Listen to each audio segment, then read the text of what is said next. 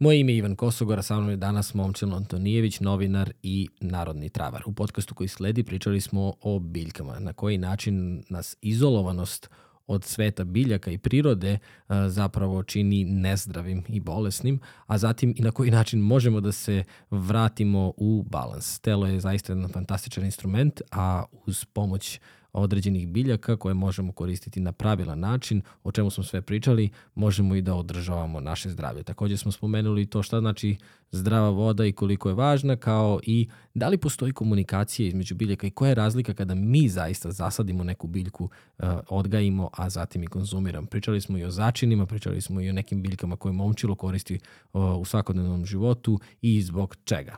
Takođe na samom kraju spomenuli smo i Diblji kuvar, odnosno knjigu koju je momčilo napisao sa namerom da vas upozna sa jednim nažalost zapostavljenim i zanemarenim, ali veoma, veoma važnim svetom biljaka.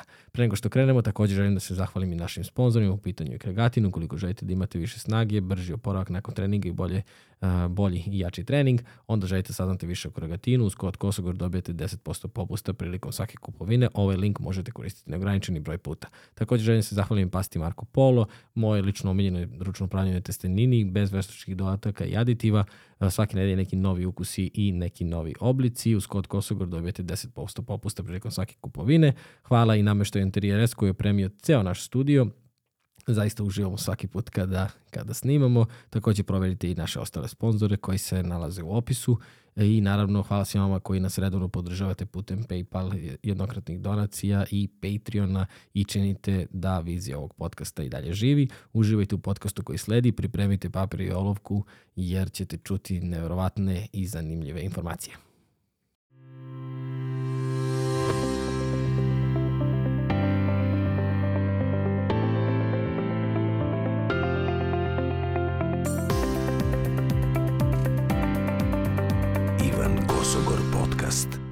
Pravi zemljotres. Pravi zemljotres i to kreće da zvoni, tako i se da se trese. A još je zgrada ovaj, ima na šipovima i uh, ima mogućnost da se 7% pomera levo desno da se ne bi, -hmm. što je idealno za zgradu, ali se zemljotres još jače osjeća nego ovaj, tako. Ona je mobilna. I sad snimatelj koji me prestravljeno gleda, a to je njegov sin od 8 godina, koji je doveo ga da vidi kako to izgleda. I sad meni, znaš, kao i dete, pa mi, ja kažem, kažem, dragi gledalci, evo ga zemljotres, da, šta sada da radimo? I to se tako treslo, nismo prekinuli ni kad je bio zemljotres, jer sad je gotovo, nećemo sići sa 18. sprata nigde, tako da bolje da ostane ovaj zabeležen. Jel imaš to na snimku? Imam, ima. Da, da to ćeš da mi pokažeš da, da vidimo da. obavezno, da, da. obavezno. Ovaj, sad smo pričali o krađi identiteta i to mm -hmm. nije, nisi prvi gost koji mi, koji mi to kaže. I ovaj, to, to se baš desilo prošle nedelje. Mm -hmm. ovaj, profesor, uh, doktor Momčilo Matić me zvao. Yes. E pa isto Momčilo, možda kradu, možda ti do imena. Ne, kradu profesoru Branimiru Nestoroviću, da, profesoru da. Miljku Ristiću. Nekako ako ima nešto dobro u tome, onda mi je drago što sam u dobrom društvu. Pravo, da, ovaj, da ti kažem, ali ovaj, zaista je to uh, strašna stvar. Uh, mislim strašna, ja sam navikao na razne uh, um, kako da kažem, da me ljudi stavljaju različite koncepte koji su bez veze i nisu meni okej, okay, ali ovo mi je baš uh, zasmetalo zato što preporučujem nešto što je normalno skupo i to ga preporučujem uh, populaciji starijoj koja zarađuje, ono ima penziju 40.000 dinara i onda se stvarno osjećam besno zbog toga. Jer neko meni veruje, a onda zahva, zbog toga kao da četvrtinu svoje penzije za neš, neku budalaštinu koja ne pomaže, onda mi to baš nije u redu i to da je ovaj, samo neko izmislio intervju sa mnom, to bi pustio.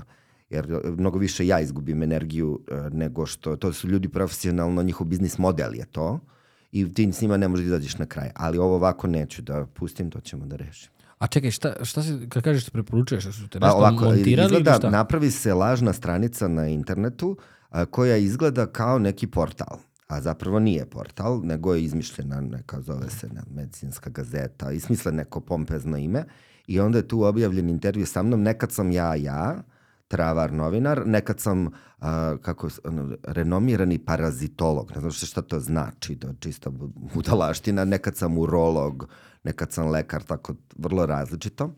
Ali ovaj, i onda ja tu sad nešto pričam, jako glupo i nepismeno, pravopisno ovaj, nepismeno, što mi posebno ovaj, pogađa, ali ovaj, onda na kraju kažem, ali eto, ako imate rak, to ćemo da rešimo, za dve nedelje vi popijete ovaj čaj od 10.000 dinara i onda vam bude, mislim, tako ta vrsta strašnih stvari. U pisanoj formi, pokušavam samo... U pisanoj formi, to je, ovaj, da, to je, izgleda kao e, članak koji mhm. kucate na netu. E sad oni to rade sve preko jedne platforme za razmenu sadržaja i vi to možete da vidite, niko neće to da kuca u pretraživač, nego vi to odete na recimo sajt e, Blitz, Telegraf, Kurir, svi, sve veliki medijske kuće e, pripadaju tom sistemu međusobne razmene sadržaja i onda vi kada čitate neki članak piše vam možda će vas zanimati i ovo i onda vi kliknete na to što izgleda kao tekst, zapravo je oglas preko te platforme, dakle nemaju ni ovi veliki portali veze sa tim, to ne uklapa se ni u njihovu uređivačku politiku, ne možete njih da zovete da oni to skinu.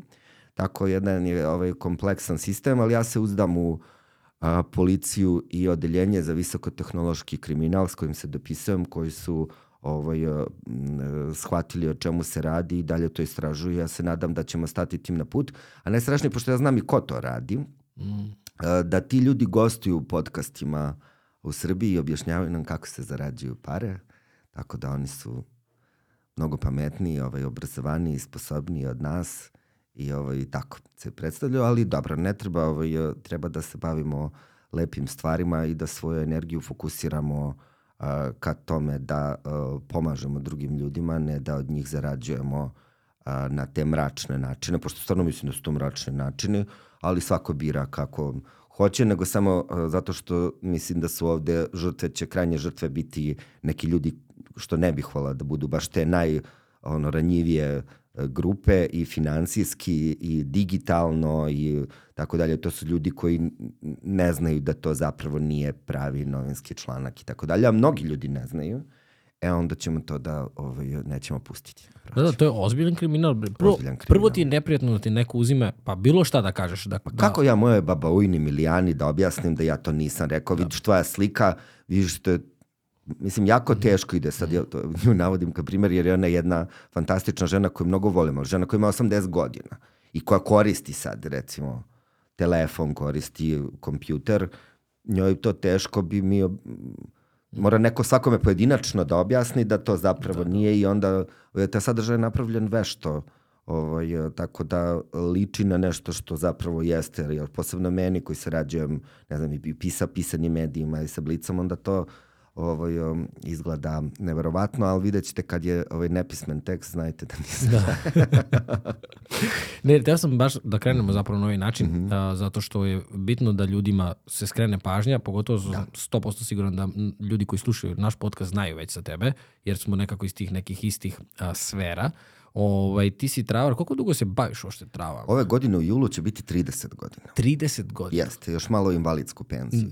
Imaš uslove. Stičem uslove, da. E, odlično je da krenemo od ovoga, jer moj jedan od najvažnijih saveta, specijalno kada kupujete te preparate različite, čudotvorne, fantastične, koji leče za dva dana uh, diabetes i visokrvni pritisak, da znate da oni ne valjaju, oni ne deluju.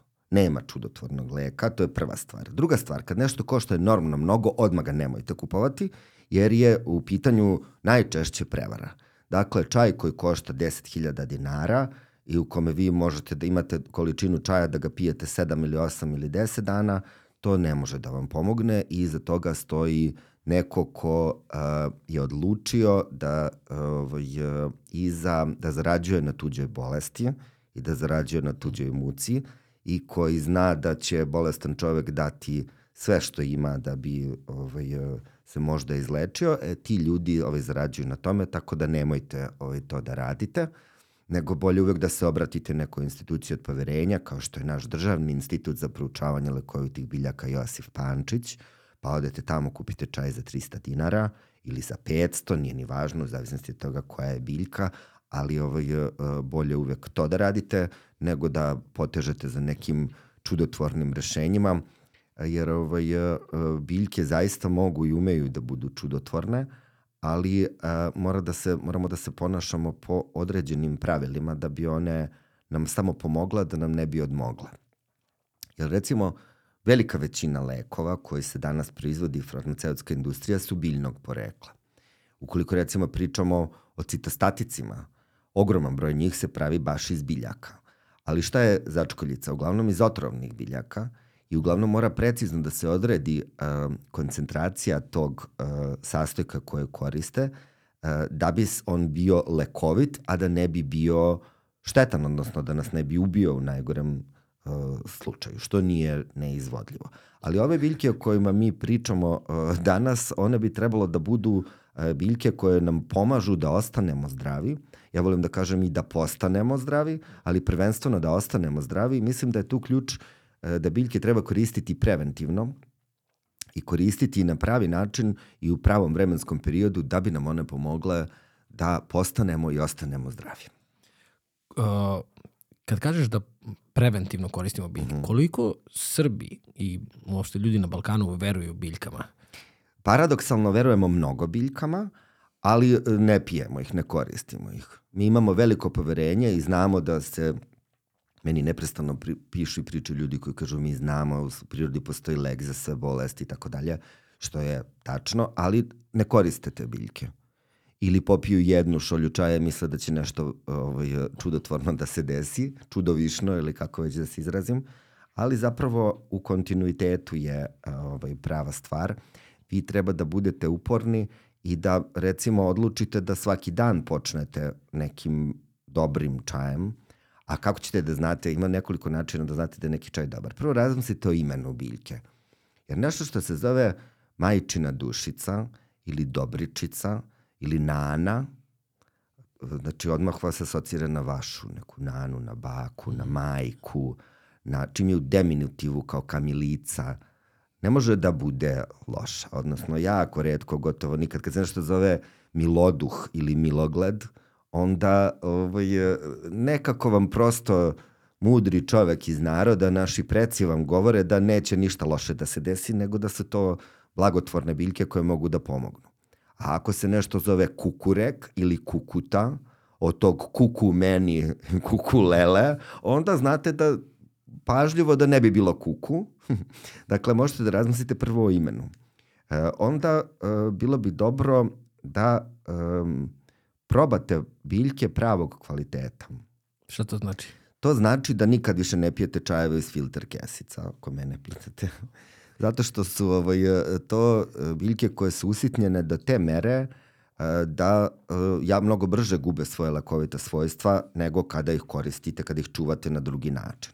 Ja čak mislim, to je velika tema, koju ću posebno da se ovaj, posvetim, čak mislim da to nisu samo čiste biljke, već da se tu dodaju i tečni ekstrakti tih biljaka, pošto kad stavite tu kesicu u vruću vodu, mi momentalno vidite da se ta voda boji, a kad ubacite dve grančice nane u vodu, to se ne desi.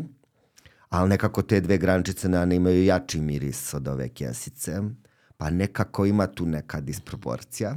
Ali ovaj, generalno trebalo bi da koristite biljke koje su lepo i pravilno osušene, koje su zadržale svoju prirodnu boju, koje su zadržale svoj miris uh, ukoliko ovaj, mirišu, uh, koje su uh, čuvane u dobrim uslovima određeni vremenski period, jer svoju biljnu apoteku treba stalno obnavljati. Ne možete koristiti biljke koje su stare 15 godina. Sem ako ne koristite koren perunike, njega možete da koristite i posle 15 godina, čak on svoje lekovita svojstva razvija tek posle druge godine. I te iridoide i mirisno ulje, inače to je vrlo zanimljivo. Koren perunike kad se izvadi iz zemlje nema nikakav miris, a posle godine do dve godine dobija taj pudrasti miris na uh, ljubičicu, iz njega se destilo eterično ulje koje se zove oris, dakle iz irisa oris, i ono košta 40.000 evra po litru. To je 40.000 evra. Uh mhm, -huh, to je ono je razlog zašto je uh, kompanija Dior, jedna od najbogatijih na svetu, odlučila da reformuliše svoj parfem Dior Pour jer im je bilo preskupo da stavljaju tu ovaj, taj parfemski sastojak u, u svoj parfem, pa su onda smislili sintetičku verziju Ambroxan i onda ovaj, svi mirišu danas istom. A kad koristite parfem koji sadrži oris, on se na svačijoj koži razvija drugačije.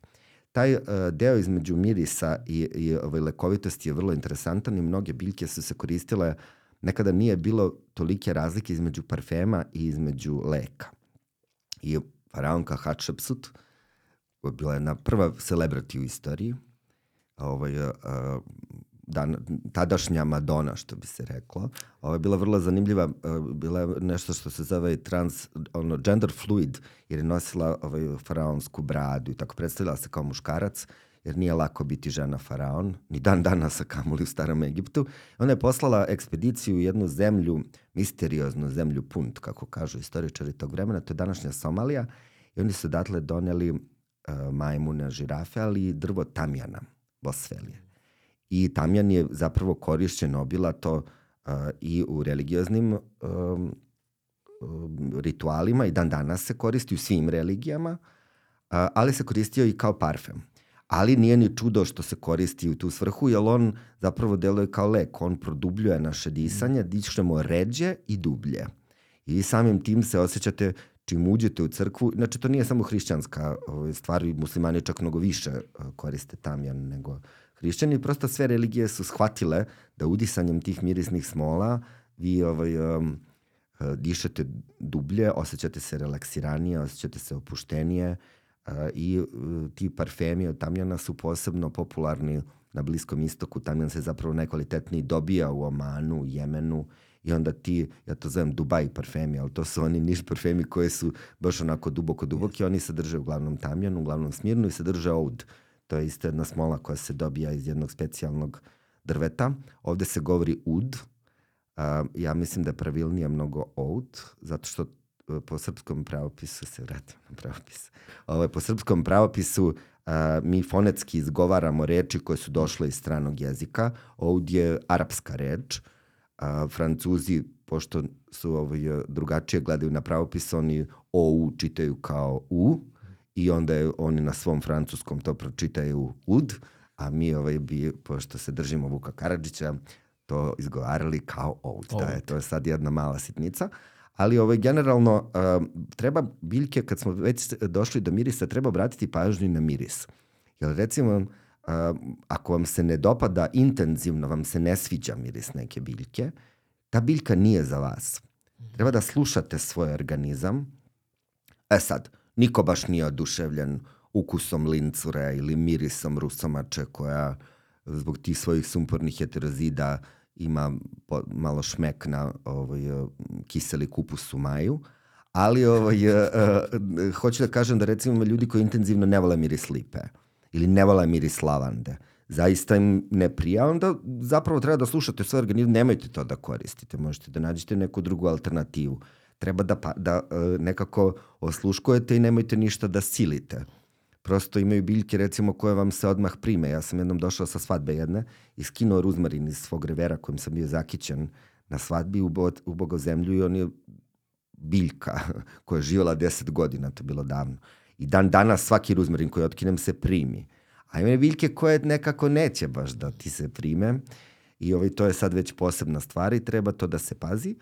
I ja ovaj, uvek ljude podstičem kada pričamo o pravilnoj upotrebi biljaka, da sami beru biljke koje koriste, zato što sam ubeđen da te biljke, ne bih hteo ništa da mistifikujem, ali ubeđen sam da te biljke imaju jače dejstvo na te ljude, e, posebno ukoliko ih berete tako svesno, jel da ta, tako kažem, pošto je to najbolja, najpribližniji izraz, ako se vi toj biljci izvinite i objasnite da je berete za zdravlje i da je uzimate samo liko koliko vam treba, vi ste već samog sebe doveli u, u ovaj, stanje da se osjećate bolje, imate mnogo veće poštovanje prema toj, tom čaju koji ste sakupili, pa osušili, pa spakovali u neku teglu, pa kasnije skuvali, onda već vi samim tim kada ga e, pijete ćete se osjećati drugačije nego kada ste ga kupili u nekom hipermarketu. E, ovaj, e, danas je, mnogi ljudi se plaše da ovaj, pogreše, pa ovaj, danas je to, zahvaljujući tehnološkom napretku, manja je šansa, s jedne strane ima jedna super aplikacija besplatna koju smisli Nemački institut Max Planck koja se zove Flora Incognita i koja vam vi fotkate biljku i on vidi delokadu i on kaže koja je biljka u pitanju. Dakle, mnogo je manja ovaj, mogućnost da pogrešite, ali s druge strane, to mi je bilo jako strašno jer sam ovaj radio jednu radionicu poznavanja lekovitog bilja sa srednjoškolcima na Tari.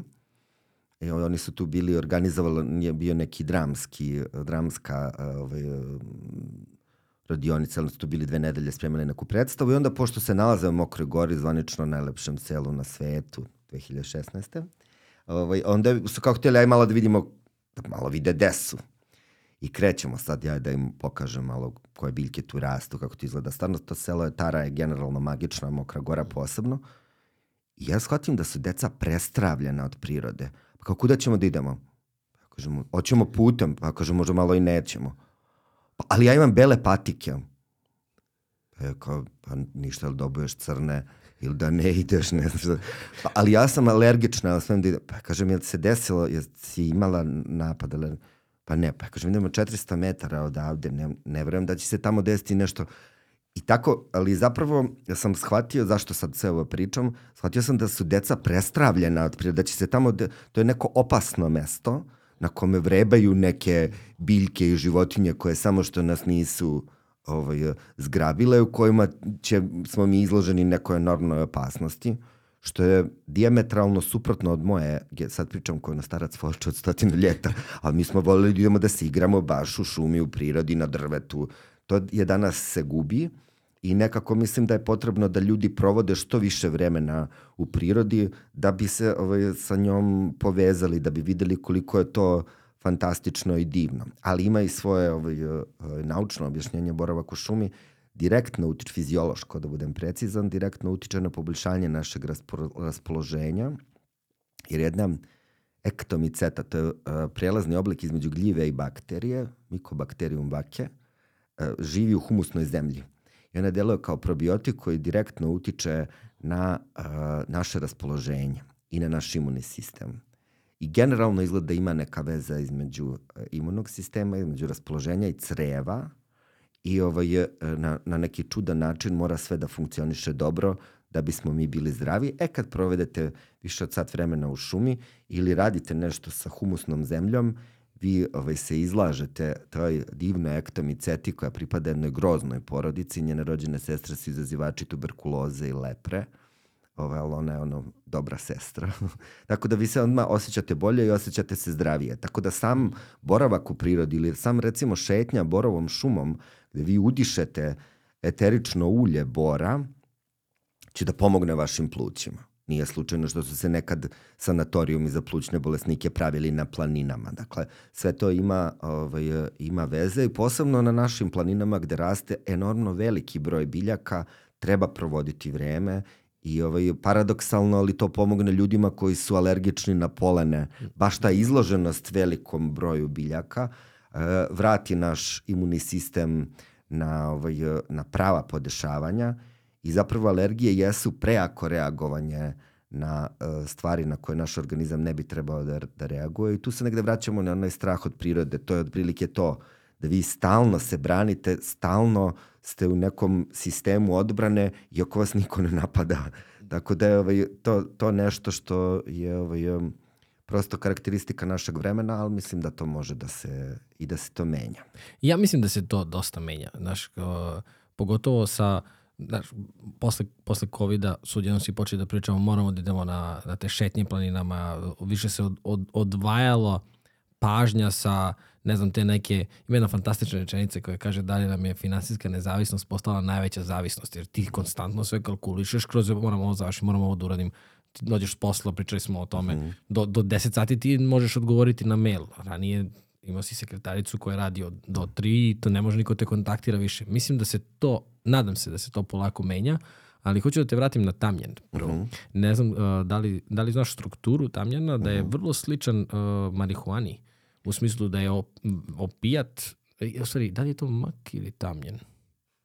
Da. Mislim da je i tamljen, zato što se u crkvi koristi baš uh, ono što si rekao, da umiruje mm -hmm. i uh, sa kombinacijom prozora koji su u crkvi uvek pro, provlače kroz one različite svetlosti, plava, zelena, crvena i tako dalje. Zato je uh, molitva u crkvi i molitva negde drugde drugačija upravo zbog tih mirisa i zbog svetlosti. Da. Pazi ti kad su oni to znali pre. Još je, ima tu posebna uh, stvar koju bih dodao o molitvi crkve, to je to što se u hrišćanstvu zove eklezija, to osjećanje zajednice sa drugim ljudima. Da gde vi zapravo svi su došli tu iz istog razloga i svi zajednički se molite. To je drugačije nego kad se vi molite sami, prosto ima ovaj sve je napravljeno i sve je konstituisano tako da ovaj da čovek lakše stupi u kontakt sa samim sobom prvenstveno onda i sa Bogom ili silom koja ovaj koordinira sve nas. To je ovaj vrlo vrlo interesantno i vrlo zanimljivo. Kada si pomenuo konoplju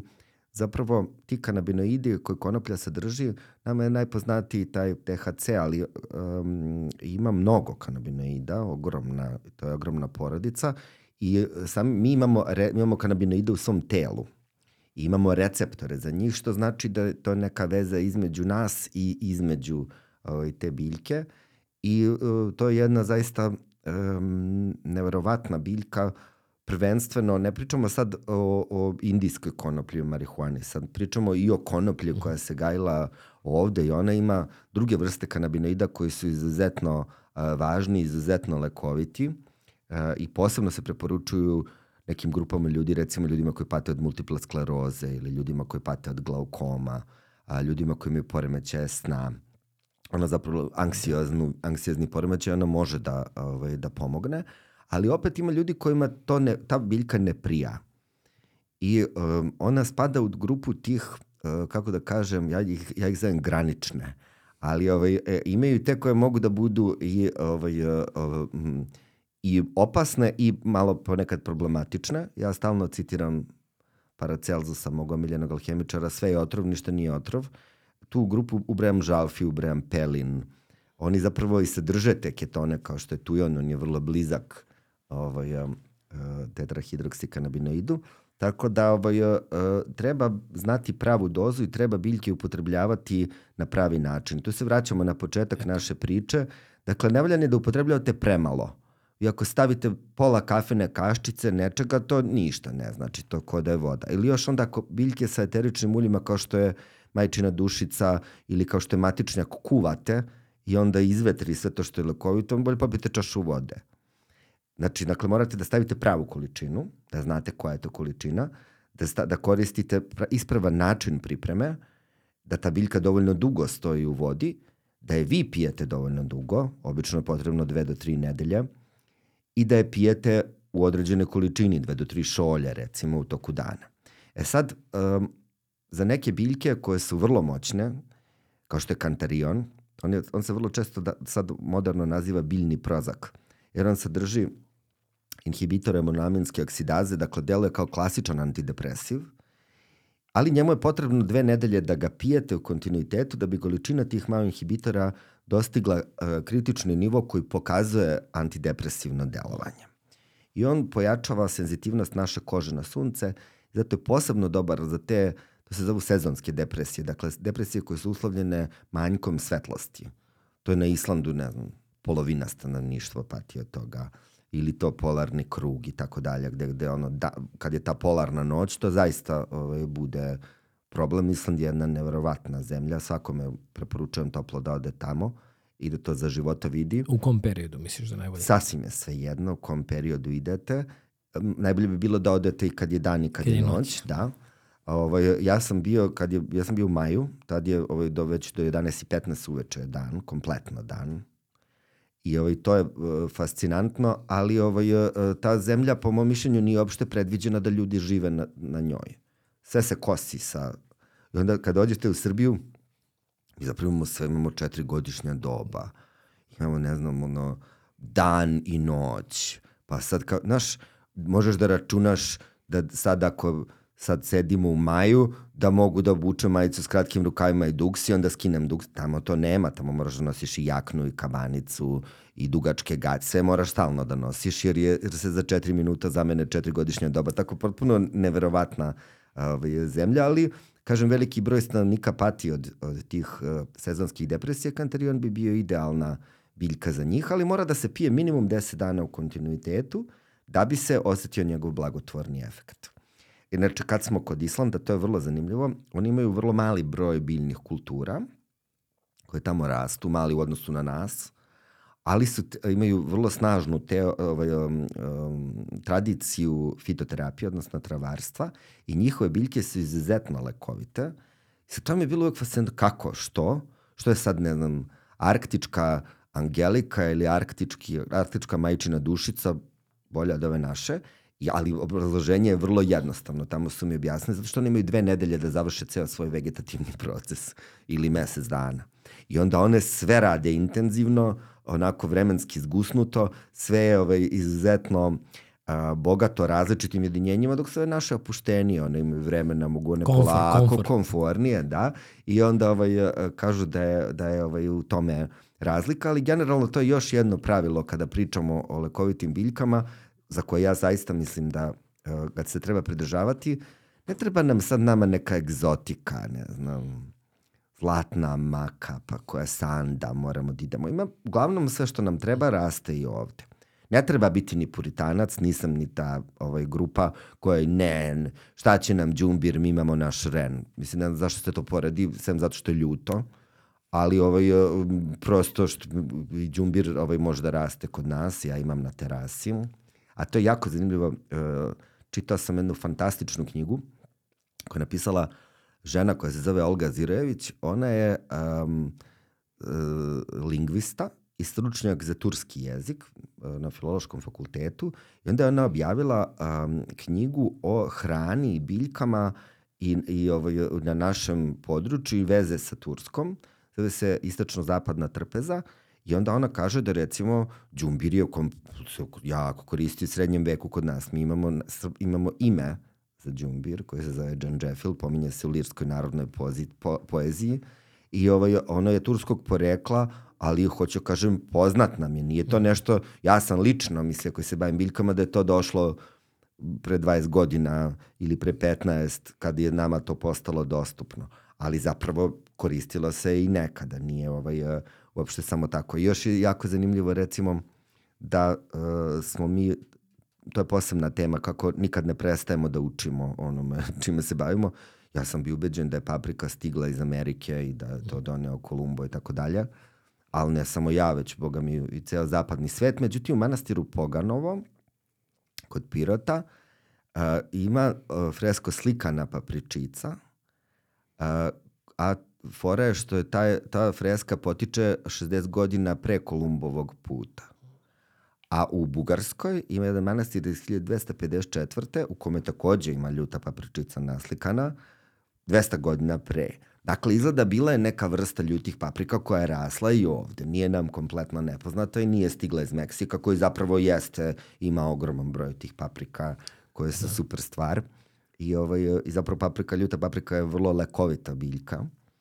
I ovaj, zaista ima istine u toj već ofucanoj frazi Hipokratovoj neka hrana bude lek i lek hrana, ali zaista hrana utiče na, na, ovaj, na naše zdravlje, specijalno ukoliko ima taj kapsaicin kao ljuta paprika koji mm. ovaj, em ublažava bol, em ovaj, podstiče termoregulaciju, a, lepo je programira, naš metabolizam programira, delujemo opu, opuštenije. Ja sam ovaj, imao, pošto sam napisao knjigu putopisa, ovaj, pre divlje kuvara, I onda sam imao jedno poglavlje zašto se indusi stalno smeškaju. A o stvari odgovori u ljutoj paprici. I onda ti kad pogledaš te, sve te nacije gde se jede ekstremno ljuta hrana, svi su kao hi, hi, hi.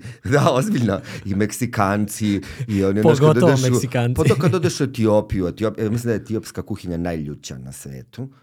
Tamo deca mala krkaju, to ne bi mogo ovde, oni svi ovi što se ovde puvaju u kafani kao ja jedem ljuto, to, to si ništa za dete u Etiopiji. Meksikanci svi su kao ha ha ha, ja sam ubeđen da to ima veze sa, mm. i sa ljutom paprikom. A, a kapsaicin je jedan od, ja mislim, najč, jedan od 12 najčešćih alergija inače u Americi. Mm -hmm. Što je, ja nisam recimo znao da je to uopšte nešto što, na što ljudi mogu biti alergični, ali oni mm -hmm. izbegavaju jako to. Ljudi koji, koji ne mogu da, ne mogu da se, da stvare to, znaš? Da. Ovaj, on recimo nije preporučljiv za ljude koji, ljuta paprika, prvenstveno koji imaju čino želucu na 12-palačnom crevu, a, može da odmogne ljudima koji imaju iritabilni kolon i tako dalje. Kao i sve biljke, treba biti pažljiv i obazriv. Recimo, jako je zanimljivo ove godine, znaš koja je a, otrovna biljka ove godine? Hmm, Pobednik da. na konkursu za najotrovniju Da li neka koju koristimo? Da, da, da, svakodnevno gotovo u Srbiji. Hmm. Nećeš nikad pogoditi. Ali. Ajde, recite. Peršun. Pe... Aha. A samo, Parsley. Dobro, evo ovako, sad parsley jeste. Ovaj, a, ali samo sad da ovaj, se tu uključi ovaj, novinar za trenutak, pošto sam ja novinar i narodni travar, da, da novinar objasni da je to malo nešto što mi zovemo novinarska patka, ali zapravo jedna um, botanička bašta iz Nemačke svake godine daje tu svoju rang listu i proglašava najotrovniju biljku godine. Ovaj, prošle godine to je, mislim, bio um, krompir, e sad je to ovaj, uh, peršun. I sad uh, vraćamo se na ono sve otrovni što nije otrov. Peršun sadrži jedno ovaj, um, jedinjenje u sometarskom ulju koje se zove apiol i još jedno koje se zove miristicin. Taj miristicin njega recimo ima mnogo više, pa su kao ona toksična, hepato, pa mogu da izazovu halucinacije, pa je zato on najotrovnija biljka. Ali recimo, to je odmah glupo, pošto tog miristicina koji je potencijalno opasniji, ali on je lekovit, ima više u onom muskatnom oraščiću. Uh -huh. E sad, sve to tačno, formalno, ali kad bi ti jeo 2 kilograma peršuna svakog dana, to bi jednako. Ali kad bi pio 5 litara na eks vode, ti bi umro, ali bi ti popucali krvni sudovi od pritiska. Tako da onda to se dovodi, to je bukvalno tačno, nemoj da probaš, ali ovaj, uh, i onda to treba, treba jel, svaku biljku upotrebljavati pažljivo. Ne savjetuje se da pijete čaj od peršuna, specijalno cemenki peršuna, ukoliko ste trudni, jer onda uh, on stimuliše, krvotok stimuliše kontrakcije materice, možda krene porađaj. I uopšte generalno u toku trudnoće i dojenja mnoge biljke nisu preporučljive za upotrebu, uh, neke zato što će da zaustave proizvodnju mleka, neke zato što će uh, kroz mleko biti dete izloženo tim, neke zato što u trudnoći uh, mogu da izazovu kontrakcije materice, neke zato što uh, mogu da deluju mutageno na plod. Sve to sad ima, mi sve te biljke manje više koristimo i znamo, ali sve su to ekstremne situacije, ogromne količine. Ne pričamo mi sad tu ko, ne znamo, nisu one otrovne kao bunika ili kao tatula, to kad velika je mogućnost kad se otrujete tim da, će, da nećete preživeti. Sigurno ćete preživeti kad pojedete svež peršun u supi, neće vam se ništa desiti. I mnogo su veće prednosti nego eventualne opasnosti, ali ovaj, uh, ja uvek, ja, uh, nekako vraćamo se na ono da se ljudi plaše prirode, kao da se pravi neka agenda, ne bi sad da ulazim u teorije zavere, ali kao da nam neko objasni da još sad ni peršuna bi trebalo nešto da se čuvamo specijalno. Tako da ovaj, uh, ne treba, treba uh, zapravo kritički razmišljati o svemu što pročitamo i ono što je najvažnije u vreme interneta, pronaći relevantan izvor kome verujete. Jer danas bukvalno za svaku stvar možete da pronađete i za i protiv i to mi ovaj malo stariji kojima je enciklopedija ostala kao nešto kad pročitaš piše u enciklopediji E onda ovaj, nama mi smo tako nekritički prihvatili malo Wikipediju pa smo videli da mogu razne gluposti tu da budu napisane. Mislim da je Wikipedia super da budemo ovaj, precizni, ali imamo, svedoci smo da kompletno lažne ovaj, ideje, stvari, neproverene se prosto provuku.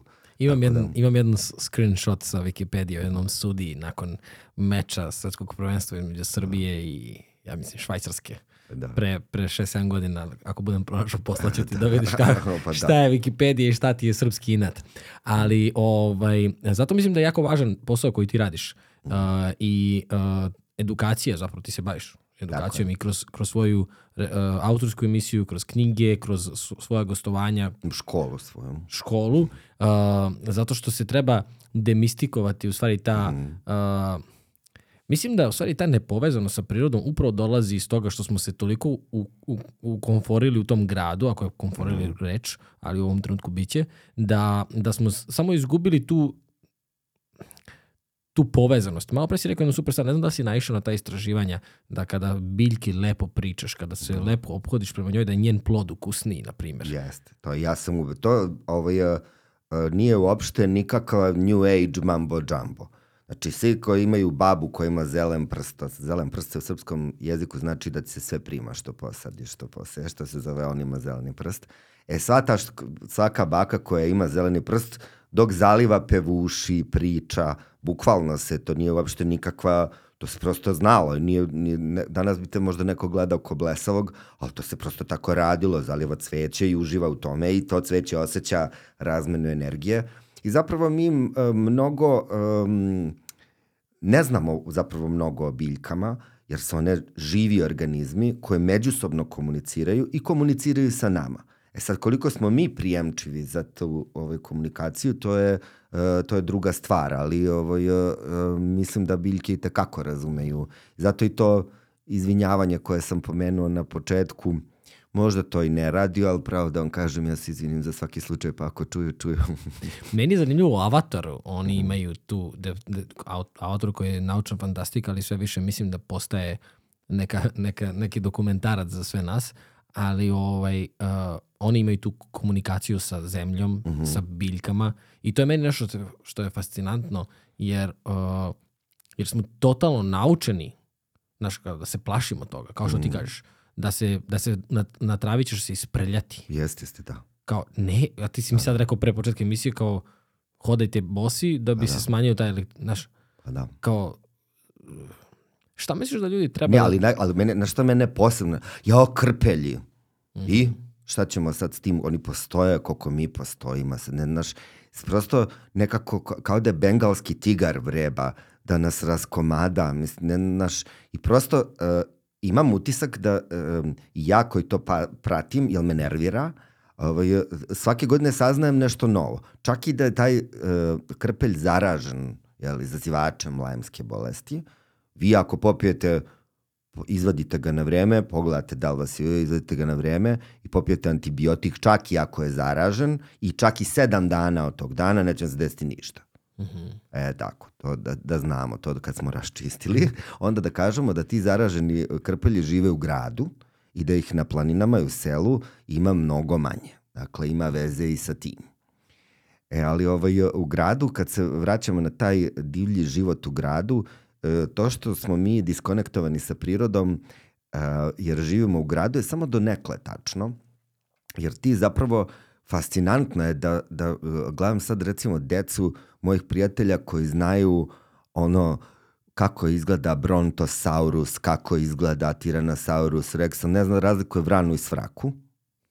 To su krivi roditelji, ne deca. Deca su zainteresovana za temu, koji ne znaju šta je maslačak, koji raste svuda, bukvalno svuda. Bio je jedan jako zanimljiv ovaj, eh, pokret koji krenuo u Bordeaux, pa se primilo se, došlo to ovde negde ovaj, i, uh, njegov eho i kod nas, da su botaničari odlučili da uzmu kredu i da pišu po uh, ulicama po gradu ja sam bokvica, nemoj da me gaziš ili ništa, samo napišu ja sam maslačak. Prosto, i onda ljudi kad, kad ideš trotoarom, pošto oni niknu iz najmanje pukotine u betonu, kad vidiš da je to maslačak, da te nećeš da zgaziš, nekako ga doživljavaš ko nekog svog, ko neko živo biće. I onda, ga, onda je to drugačije. Ako u neznanju zapravo i leži ta, taj, e, taj problem. Pa i kad nemamo reč, kad ne znamo nečemu Tako ime, mi to ne vidimo. Tako je. Znaš, ja ne mogu da pretpostavim kako izgleda tvoj odlazak u prirodu, da. gde razlikuješ, uh, to je meni fascinantno, ti drugačije vidiš svet od mene. Da. Jer ti znaš šta je ovo, kako utiče, ideš da. do sitnih detalja. Znaš, za mene je to drvo i za mene je to trava. Da, ali je, e, recimo i to je interesantno, pošto ja najviše volim sam da idem ovaj, u mm. prirodu, volim da idem i sa drugim ljudima, onda to ima potpuno, to iskustvo je prelepo, ali ima potpuno drugu dimenziju. Onda se to uglavnom pretvori u moje predstavljanje prirode i neku vrstu predavanja, što svaki put mi je zadovoljstvo kad god imam interesovanja, ja ovaj, onako kad, kako s nekim kad deliš zajedničku strast, pa želim prosto da popričam i tu se saznaju razne stvari. Ovaj, to je najbolji način da se uči, jer zapravo svako ima neki svoj recept i znanje na apoteke, svako se seti šta se radilo nekad, da ne budu moljci u, u ovoj, vunenim čilimima koja se biljke stavlja tako dalje. Uvek ispliva ne, nešto zanimljivo. Ali ja kad idem sam da berem biljke, to je bukvalno neka vrsta druženja, jer ja onda najlakše mogu da razmišljam o nekim stvarima koje su istinski za mene bitne, koje nemaju veze sa biljkama, već prosto je to neki period kada uh, se uvedem u jedno mirno stanje svesti gde mogu da, ra, da racionalno sam pošao da kažem, ali to nije prava reč, nego da na pravi način zapravo sklopim i racionalno, i iracionalno, i nadracionalno i da donesem neku dobru odluku, da se iskristališe uh, šta ja stvarno želim, kuda bi ja to trebalo da idem. Uh, ovaj, neke, neka, ne, neke neverovatne stvari imaš, uglavnom se desi onaj aha moment, pa kako ti to nije bilo jasno. Ali ovaj, generalno se onda osjećate uh, mirno i osjećate se ovaj, um, spremnim da čujete. Aha. Da, tako da je to ovaj, super. Ali jako je zanimljiva stvar kad ideš sam, to mi se vrlo često dešava, da ovaj, sretneš neke ljude, pošto to sad se dešava na selu, a nažalost sela u Srbiji su onako slabo naseljena, ima malo. I onda vrlo često kad srećete ljude, to su ljudi koji su željni razgovora da. sa nekim. Ali razgovoru vrlo ozbiljno pristupaju i niko tu ne priča neke budalaštine, nego već sad kad pričamo, onda sad pričamo nešto Tako, I onda ta neka arhaična pitanja čiji si ti, a dakle, tako. I to sad sve ok, ali ajde da se predstavimo pa da pričamo. I tako onda uvek se saznaju neke neverovatne stvari i otkriju mi ljudi neke neverovatne biljke. Na primjer? Da, na, pa recimo, a to bukvalno izgleda kao kad čitate ono starogrčki mit, pa kao ne znam, Bog se prerušio u prosjaka pa se pojavio i kao nekom, bukvalno tako izgleda. Jednom sam sreo sa nekom dvojicom ljudi koji su išli putem I ovo što ne znam kako smo došli do toga da ja vide sad oni ja berem biljke i oni sad stupaju sa mnom, ti, ti, mali šta ti, ja sad njima objašnjavam, ali sad uopšte ne umem taj razgovor da ponovim. Uglavnom taj razgovor se završio tako što smo mi sišli s puta u neki potok gde mi je čovjek uh, na, pokazao kako izgleda valerijana. To je 20 godina više. I, odoljen na srpskom.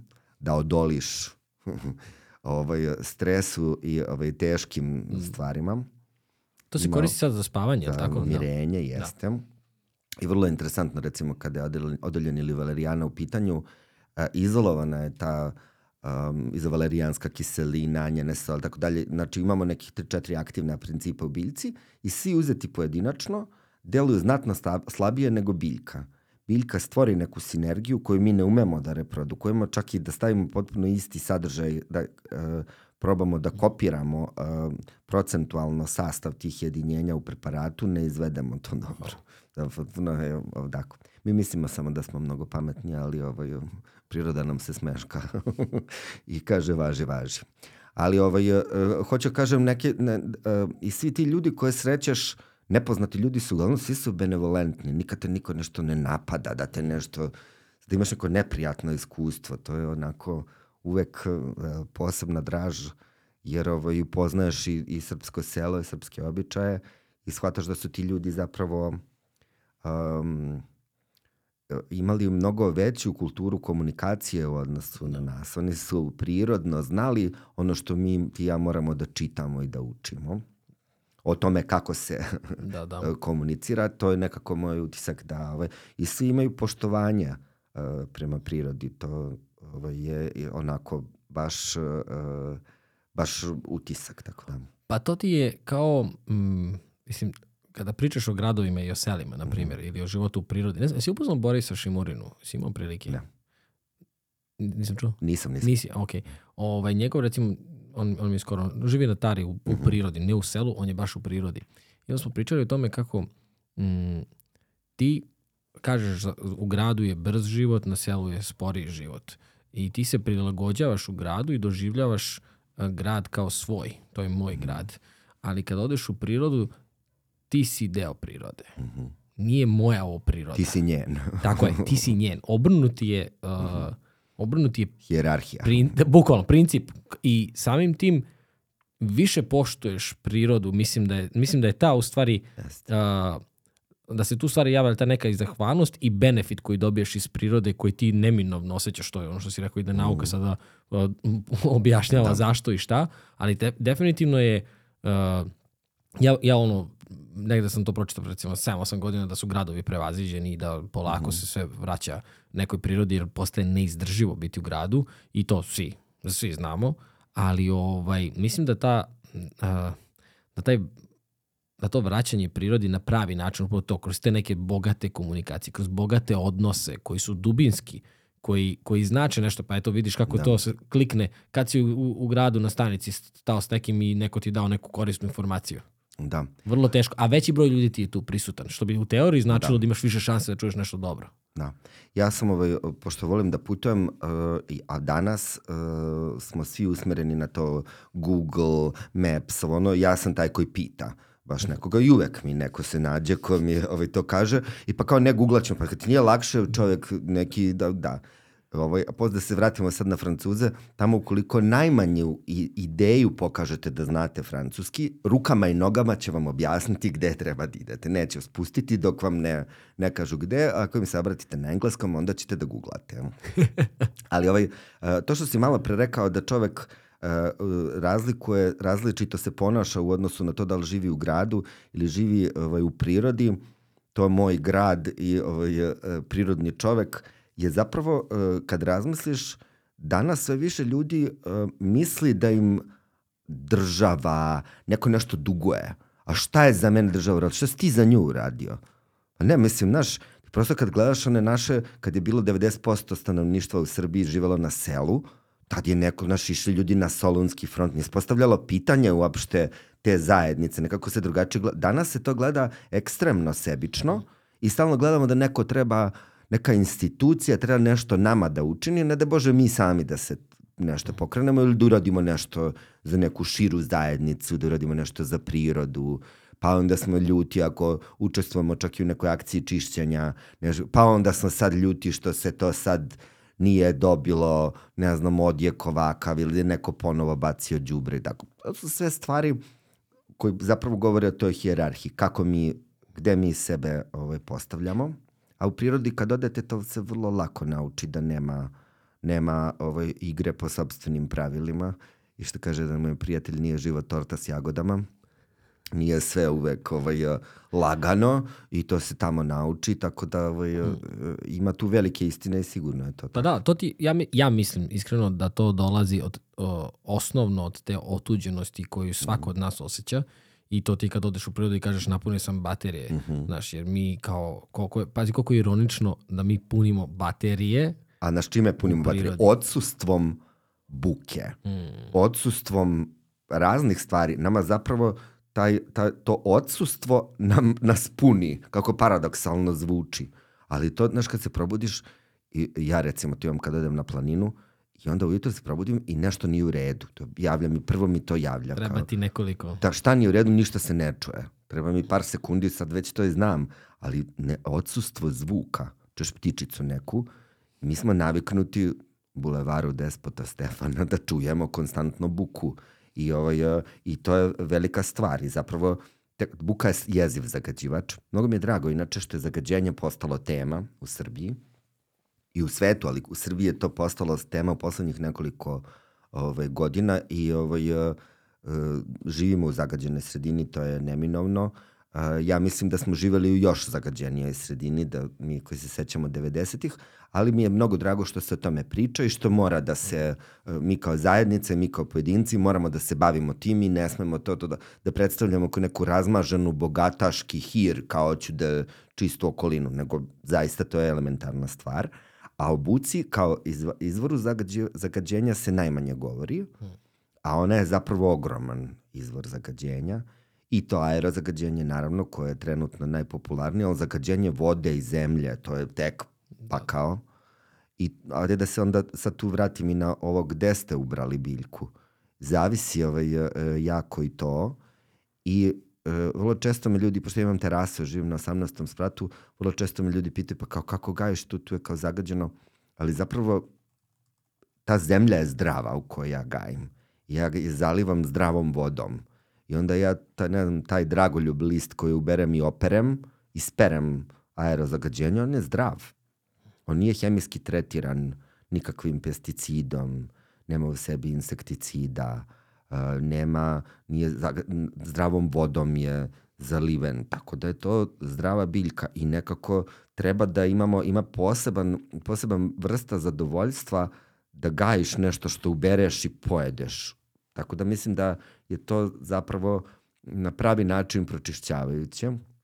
Danas neću da kažem detoksifikujuće, pošto ta reč je tako Reci, postala ofucana. detoksikacija, da ovaj, um, naš organizam je savršeno sposoban da se detoksifikuje. A, I prva i najvažnija stvar, ako odlučite da ovaj, pređete na jedan zdravi način života i da svom telu priuštite detoks, je da izbacujete toksine. Dakle, to šta ćete i da pijete, da to, nego samo nemojte ih unositi više. malo, malo da samo tu stanite. A kad kažeš nemojte ih unositi više? Pa da, recimo, prestanite sa suplementacijom odmah. Vi vitamine nemojte da pijete nikakve. E, to je moj prvi savjet. Ovaj, jer, ovaj, oni, Šta je alternativa tome? Pa da, da pojedete svaki dan jednu svežu salatu i jednu svežu voćku. Eto, to bi bio moj savjet. I možete da pijete neki čaj koji može da vam pomogne vaše jetri, vašim bubrezima, ali ovaj, počnete da gajite svoje biljke. Pa grickajte svaki dan ovaj dragoljub koji sam ovaj, pomenuo. Sigurno će ovaj, vaš organizam znati to da ceni. E, mislim da ja nisam vegetarijanac, to me vrlo često ljudi ni vegan, ljudi često me to pitaju, ali mislim da zaista treba mnogo više biljaka u našoj ishrani, posebno modernog čoveka, posebno u Srbiji. Nisam, dakle, isključiv i jedem, ali mora biti primarno biljna hrana. I moj savjet za sve one koji um, žele da se bave detoksom je da jedu hranu koju bi njihova čukumbaba prepoznala kao hranu. Eto tako da to kažemo. Dakle, ono što bi vaša čukumbaba ne bi znala jel se jede ili se, ne znam, farba vuna njim, to nemojte jesti mesec dana, pa probajte tako da. Ovaj, e, I generalno male stvari, ne treba ništa pre, e, krenuti sa nekim pompeznim, ogromnim očekivanjem i onda na kraju splasnete. Vi vrlo brzo, ako sebi stavite pretežak zadatak, onda, ga, onda se osjećate razočarano što niste uspeli da izdržite taj tempo koji je zaista pretežak. I onda vrlo često kad u tim procesima detoksikacije on nude neke splačine, neku, nešto što ne jedu ni krave, bezukusno, bez ikakvog... Za... Znači, to tako ne treba da izgleda. Hranu koju jedete treba da volite. Da vam se dopada. E sad, mi smo, sticam okolnosti, vrlo mnogi od nas zaboravili ukus luka. Kad si jeo zadnji put crni luk ovako svež da probaš? Mene pitaš ili... Tebe pitam. Da, idem stalno. Mi, pa, mi, mi volimo luk, ali znaš šta je zanimljivo za, za luk? U Americi kad jedem luk mogu da idem na posao jer ne smrdim. Da. A ovde prođem pored luka smrdim iz usta na luk. Koja je da. razlika recimo u njihovom luku? Si ti to primetila? Da. Ovaj, e, da, velika razlika između biljaka, uh mhm. -huh. a, a ovaj, ima razlike, kaže aromaterapeuti, da, ne, da prosto svako ima svoj potencijal da smrdi na, na luk. Imaš ljude koji mogu da jedu beli luk ništa, imaš ljude koji mogu sedam dana. Ovaj, ali da, zapravo oni kažu da je to vrlo korisno, jer na taj način naš organizam tačno radi ono što treba. Tako da ovaj, uh, hoću da kažem i neke prirodne ukuse smo malo zaboravili kako izgleda taj prirodan ukus. Ali zašto ne bi, i onda kad kažem ne jedite masno, ne jedite začinjene, svaki put se iznerviram, Šta znači ne jedi začinjeno? Kaži mi nemoj da stavljaš natrium glutaminat, pojačivač ukusa, to je već druga stvar. Ako mi kažeš nemoj da stavljaš origano ili celer, što da ne stavljam? Koji, zbog čega da ne stavim biber? Koji su benefiti, recimo sad origana ili bibera, ako je, za koje da. ne znamo, samo se dodaje zbog ukusa, ali koji je da. benefit da. toga? Prvenstveno su, uh, oni nisu nikada, kori, odnosno nisu u početku korišćeni za popravljanje ukusa, već su to sve biljke, ako pričamo o origanu, o ruzmarinu, majčinoj dušici, bosiljku, to su žalfi. To su sve biljke koje su e, najveći izvori antioksidantnih materija među biljkama i koristili su se da produže trajanje hrane. Dakle, da uspore slobodne radikale koji izazivaju propadanje mesa pa se meso usmrdi, ali i starenje kao proces. Dakle, čim koristite te začine, vi ćete duže moći da koristite hranu, a uh, samim tim ona utiče na sve te uh, loše stvari koje slobodni radikali rade u našem telu. Dakle, nije samo do ukusa, već je prvenstveno primarno bilo to. Recimo, hmelj se počeo da se dodaje u pivo da bi se produžio rok trajanja pivu. Ne wow. zbog ukusa, danas se dodaje samo zbog ukusa.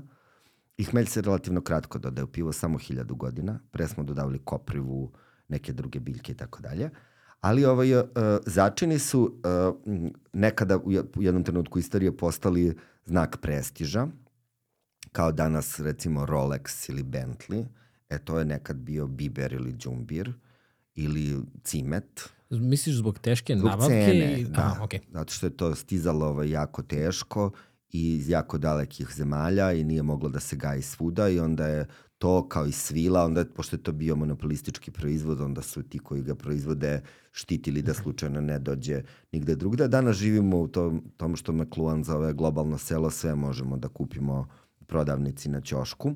Tako da ovaj, uh, začini i začinjeno su zapravo vrlo korisna stvar uh, i treba ih koristiti naravno pravilno i koristiti um, tako da, da, da naučite sa njima da radite. Vrlo često stranci, skoro, skoro sam ovaj, razgovarao sa jednom e, gospođom iz Surinama, koja je profesionalni kuvar i zajedno ćemo verovatno da radimo nešto. Ona, karibska kuhinja recimo bilo je ogromne količine začina koriste. Ona kaže, kod vas Srbiji nije ništa, ne, naš, nije začinjeno, što je tačno.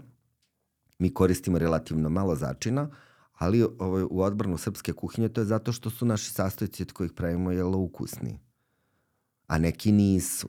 Ne, nije isto meso odavde, koje je kva, vrhunsko kvaliteta ili meso, da ne kažem sad neku konkretnu zemlju, ali, znaš, ili paradajz. Da, nije, da, da. Baš se osjeća razlika. Svako ko kaže da se ne osjeća, nije u pravu. Ima potpuno drugi. I onda zašto bismo dodavali nešto u nečem, nečem što je prirodno lepog ukusa? Jer se nekada to, do, ti začini su se prvenstveno dodavali da maskiraju mm -hmm. ovaj, ili loš ukus ili nedostatak ukusa ali ovaj, mislim da treba da koristimo više začina i svežih začina e, što više, jer oni zaista uh, mogu da, čak i kroz hranu, da imaju ovaj, vrlo blagotvoran efekat, a vrlo često, čak i meni, znaš kad, kad kažu obućarima ove šuplje patike i to je tako, meni se dešava da kuvam čaj od lolbera i od bosiljka za picu, tako to se desi se na, na vreme, ali ovaj, e, generalno to su sve i lekovite biljke, mm. tako da uh, i to korišćenje u hrani specijalno recimo kada je ruzmarin u pitanju, i čak i u toj količini koju ga dodajete u jelo, koja je mala, on ima vrlo blagotvorno dejstvo i na vaše zglobove, i na vaš centralni nervni sistem, i na vaše varenje, tako da koristite začine slobodno, samo nemojte da to budu uh, oni veštački sosevi, začini prepuni. Vegeta i to. Tako je, to koji imaju veštačke uh, pojačivače ukusa, koji su štetni iz deluju loše na bubrege i tako dalje, deluju na razne stvari, da ne ulazimo u njihovu štetnost, ali štetni su iz um, još jedne vizure, zato što toliko nas naviknu na taj pojačani ukus, da, da nam ono, onda nam sve bezukusno bude. I onda to zahteva izbacivanje toga, zahteva ono odvikavanje. Da, da, da. Bukvalno. Vremenski da, period. Vremenski period da se vi naučite ono, ukusu supe, pileće, ovaj, bez ovaj, tih veštačkih dodataka ili sa nekim začinima i onda to potrebno je vreme. Ovo što si rekao za paradajz, kod nas, mi smo imali od iza, iza kuće mhm. baštu sa paradajzom, mi smo bukvalno kao kad ideš u goste nekom, znaš, ono ljudi donose čokolade i to, mi strpamo tri paradajza koji su ogromni, mhm. -huh. a ono ne, nije ništa prskano, ništa, sve, da. sve domaće i taj ukus paradajza, kao ne, sad ga vidiš kako da. osjećam da, ga dok pričam, da vidiš, zato što ću to zaovek da pamtim, jer, jer to, ne možeš da kupiš, ono, mislim, i sad i u radnji, ne samo, ne samo u Americi, ovde kod nas, zatvori, zatvori oči, veži oči i uzmi paradajz i uzmi krastavac da. i nećeš znati razliku. Ako, yes. Pogotovo ako kupiš kad mu nije period. Yes. Što meni nema nikakve logike da se mi ošte bavimo time, ali to je taj luksus koji nam je prodat kao, eto, možeš, mm. znaš, ali recimo da. nema lubenice sada, da, ja bar nisam video, znaš, ali da. imaćemo paradajz cijele godine. Da meni je bilo, meni uvek to, to, to se uvek mi onako izmami osmeh. Imali smo, ovaj, uh, imamo i dalje drugara uh, koji žive u okolini Čačka, to je u okolini Guče, i došao mi u goste neki njegov prijatelj iz Švedske, Hans, i sad Hans je bio tu mesec dana, treba da se vrati u Švedsku i sad taj moj drugar dolazi i pita babu, gde je Hans? Kaže, eno ga dole u šljiviku, kaže, šta radi? Kaže, plače. Što plače? I oni silaze ovaj, u voćnjak, a Hans sedi u šorcu, pošto je avgust mesec onako god do pojasa, pije rakiju i jede iz dve gajbe paradajza. Da, kao jabuku. Kaže, ovo je ovo li, toliko lepo, ja neću da idem. Nikad nisam osetio kako, i bukvalno ga jede kao jabuku, ali dve gajbe je spremio da ima, da mu slučajno ne zafali. I ovaj, tako da zaista uh, nije ta priča bez osnova da hrana ima, ima ovaj svoj drugačiji ukus. Vrlo često ljudi kad ne pričaju to kao organska hrana i onda se tu, to je vrlo važno da pomenem, onda se tu menja teza. Pa kao, organska hrana nije dokazano da ima više hranljivih sastojaka nego ova koja se gaji konvencionalnim putem, pa nikto nije ni dokazivo, nego samo nema štetnih ostataka i nije veštački proizvedena da uh, bude samo bojom i, i oblikom slična kako bi trebalo da izgleda ovaj, prava hrana. Dakle, ne pričamo o tome, već pričamo da je to nešto što je prirodno sazrelo i ovaj, gde nema jel, ostataka tih štetnih materija. A sad korisnih materija uh, ima pa ima. Da, ali isto je do, igra reči kod nas koja se često koriste, to je domaće i organsko. Jer mm -hmm. organsko nema, a domaće može da ima. Da. Znaš, to je jako zanimljivo. Baš nam je jedan dečko iz... Uh, pričali smo iz poljoprivrednih novosti uh -huh. i onda smo pričali upravo o tome i koja je razlika i kako se ljudi pecaju da. zapravo tu, znaš. Pa, znaš šta, to nije baš precizno regulisano kod da. nas, ali s druge strane, ovaj, um, jako je skupo da uh, ti dobiješ sertifikat za organsku proizvodnju i ovaj, to je velika cifra uh, za mnoge proizvođače, tako da ovaj, mhm. -huh. ima veze i to i sa tim, ali recimo postoji alternativni način sertifikovanja, koji nismo smislili mi, nego recimo u Švajcarskoj. Kako to funkcioniše? Ja se dogovorim sa tobom, ti proizvodiš paradajz iza tvoje kuće u ove bašti i krastavac i nađeš još tako 15-20 ljudi i mi plaćamo to po drugačijoj ceni, većoj nego što je to konvencionalna cena, ali mi imamo pravo da dođemo kad god doćemo da vidimo naš paradajz i da ga uberemo. I ovaj, dobro, sad to nije baš u tvojoj kući, ali dođemo na neku njivu ili u voćnjak ili to mi znamo gde je. I sad se ti igraj da prskaš jabuku kad ja dolazim. Znači, bit će baš problema. Ovo, I ti čak možeš, imaš ostavljene, ljudi to uberu svoje i ostave sami novac. Imaš, nema ono, e, kontakta između domaćina i to upravo postoji zbog toga da bi ljudi ne bi plaćali tu ogromnu cifru i da bi ljudi imali kontakt, da bi znali odakle to potiče, imaš drugačiji odnos prema toj hrani ali ovaj, uh, vrlo često je ta visoka, jeste to, ima tu i pomodarstva, moramo da kažemo, ali za neke stvari je jako važno da budu organske i ovaj, to uvek ljudima govorim, recimo kad kupujete laneno seme, izuzetno je važno da bude organsko. Kad kupujete bilo šta od ovsa ili zobi, jel, to je isto, a, važno je da to bude organsko, ali to su kulture koje se koriste da očiste zemlju a, i da je pripreme za neke druge kulture i vrlo često samim tim, pošto je čiste, onda one budu, imaju veliku, veliki sadržaj, ne znam, teških metala ili ne da bože radioaktivne budu, pošto u Ukrajini su masovno to uh, zasejavali lanom i ovsom, ne bili iščistili zemlju da bi ta zemlja bila što pre spremna, je tako? Kakav utic ima i organski ovos na, na nas? E pa da, organski ovos uh, je izuzetno korisna i fantastična biljka. To znači da je taj ovas gajen prvenstveno na čistoj zemlji. Uh, dakle, taj sertifikat organskog garantuje da je ta zemlja prošla kontrolu i da je čista i da njoj, na njoj nisu korišćeni preparati koji se koriste u konvencionalnoj proizvodnji nekih recimo 7, 8, 10 godina unazad.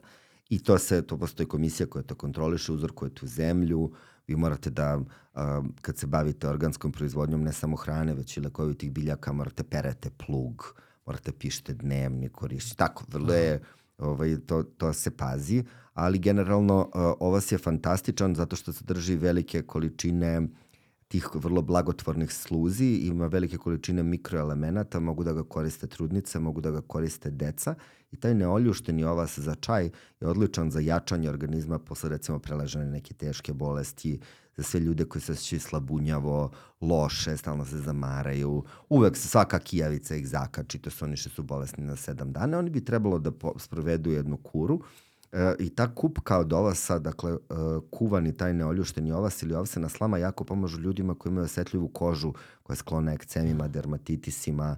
Oni bi trebalo da koriste kupke od ovsa, e, koji je izuzetno, ovaj, izuzetno koristna, korisna i ovaj, blagotvorna biljka. Mm, to je baš zanimljivo. Da. U jednom trenutku si rekao zdrava voda i da ti mhm. koristiš zdravu. Šta je zdrava voda? Fil, da li koristiš neke filtere? Da, ja ovaj, uh, kor, uglavnom pijem vodu sa česme i uh, uh, verujem u te mehaničke filtere, dakle one koje se baziraju na uglju, uh, jer... Uh, čekaj, čekaj, čekaj, čekaj. Uh mhm. -huh. Ti to postavljaš kod sebe kući? Da, imaš te bokale kao što ti imaš da filtriraju vodu i ja generalno koristim vodu iz vodovoda jer živim u Beogradu, ne živim u Zrenjaninu. Ako živite u Zrenjaninu, nemojte da pijete vodu sa vodovoda, jer ima mnogo arsena. Ukoliko recimo živite, ne znam, u Beču, svi piju vodu sa česme, zato što je fantastična. U Sloveniji svi piju vodu sa česme, samo je nama neko objasnio ovde fancy da pijemo iz plastične ambalaže. E, ja mislim da je konačno ova priča o mikroplastici uh, ljude probudila i onda shvatite da prvo ta enormna količina plastike koju koristite, drugo nije dobro da držite, brate, vodu u tome. Koji ti filtri? Imaš nek, znaš naziv ili tako nešto? E, Mene ne, lično ja ih zanima. menjam, menjam ih, ali nemam mm -hmm. neki koji, koji stalno, ali imaju ti koji su izuzetno dobri, koji su uređaji, ali oni zapravo tu vodu filtriraju do te tačke da vi nemate ništa u njoj, što opet nije ni to dobro. Ne valja ni prefiltrirana voda. E sad, ovaj, jako je recimo interesantna ta priča o parazitima, uh, koja se vrlo često javlja i koja je jedna predimenzionirana priča i jedna moda koja je stvorena, sad svi imaju parazite i svi ih napali i to je suština svih njihovih bolesti, tako to je, ovaj, nije tačno, samo nije tačno. Ali ovaj, generalno crevni paraziti koji se, i kada se jave, obično se javlja, jave kada pijete izvorsku vodu koja nije kontrolisana. Dakle, i ukoliko imate svoje bunare ili koristite izvorsku vodu, važno je da se ta voda uh, s vremena na vreme u određenim vremenskim intervalima kontroliše, da je nosite u higijenski zavod i da vam oni potvrde da je ta voda ispravna. Dakle, ovaj, um, treba paziti i tu, ali ta živa izvorska voda je fantastična i recimo kada pravim bahove biljne rose, što su, ne znaš šta su bahove biljne rose? Bahove kapi? Bahove kapi, mm -hmm. da. E, to zapravo jedan doktor Edward Bach je shvatio da rosa koja se sakuplja na biljkama ima specijalno dejstvo i to je blisko homeopatiji zato što u tim e, kapima nema hemijski, one su voda, kon, konzervirana možda s malo alkohola, voćne rakije koje on koristio, ali ovo je, uh, one deluju fizički. I onda se uvek uh, energetski, ali da tako kažem, i ovaj, da ne ulazimo pretrano u Bahove, uh, Bahovu filozofiju, uh, E, ali on koristi živu vodu. On kaže živa voda to je voda sa izvora, dakle ona koja nije, koja u sebi ima ovaj, životnu energiju, tako da je to velika stvar kad imate pristup izvorskoj čistoj vodi, to je ovaj, zaista fantastično. Kako ne, mi smo sad bili od tom restoranu što sam ti rekao mm. u Zvakusi i naručili smo vodu i donali nam, ono, mislim da je bila da. rosa u staklu. Ja kažem, možemo bi pijemo, rekao, sa izvora, pošto znam da imaju izvor, prolazim tu kroz, kroz fenomenalne klopa. I ovaj, ona kaže, naravno, i kad popiješ tu vodu, bre, pa da. to je druga priča skroz. Jeste, a kad pojedeš nešto skuvano u zemljanoj posudi iz lakuse. Da, da. Da, to je neolitski način mm -hmm. uh, pravljenja keramike uh, koji, uh, zahvaljujući jednoj ženi koja se zove Sofija Bunarđić, ne Vajar, i bila je dugo direktor umetničke škole u Užicu, taj zanat je ostao živ. Iz Lakusa se stavila na uh, svetsku kartu uh, likovnih kolonija i umetničkih kolonija, čuvena ta grnčarska kolonija tamo i to je fantastično zato što smo otrgli to od zaborava. Ta keramika je specifična, ima nekoliko domaćinstava tamo koje se tim bave, svako ima svoj žig. Kad kupujete to, kad, kad stajete tu da kupite ovaj svoju posadu, obratite pažnju, oni će vam i objasniti o čemu se radi, to su inicijali porodica. Uh, I ovaj morate da znate uh, da je to napravljeno po pravom principu. Oni melju kalcit koji dobijaju iz pećine podpečke sa tom glinom i onda se pravi, uh, jedno vam kupite za ceo život, znači nema rok trajanja, što je više upotrebljavate, ona je bolja. Bolja, da, da, da. Jeste, i, ovaj, i to je nekako meni fantastično zato što je to jedan održivi način, kupiš pa imaš, a ne kupuješ svake godine sa konstantno to konzumerističko menjanje, bacanje, menjanje, bacanje, sad ne valja teflon, sad ne valja ovo, kupiš ovo i to, brate, traje cijele, cijel život. I, I, ovaj, uku, izvini, i ukus koji se dobije tu, ja. Jest.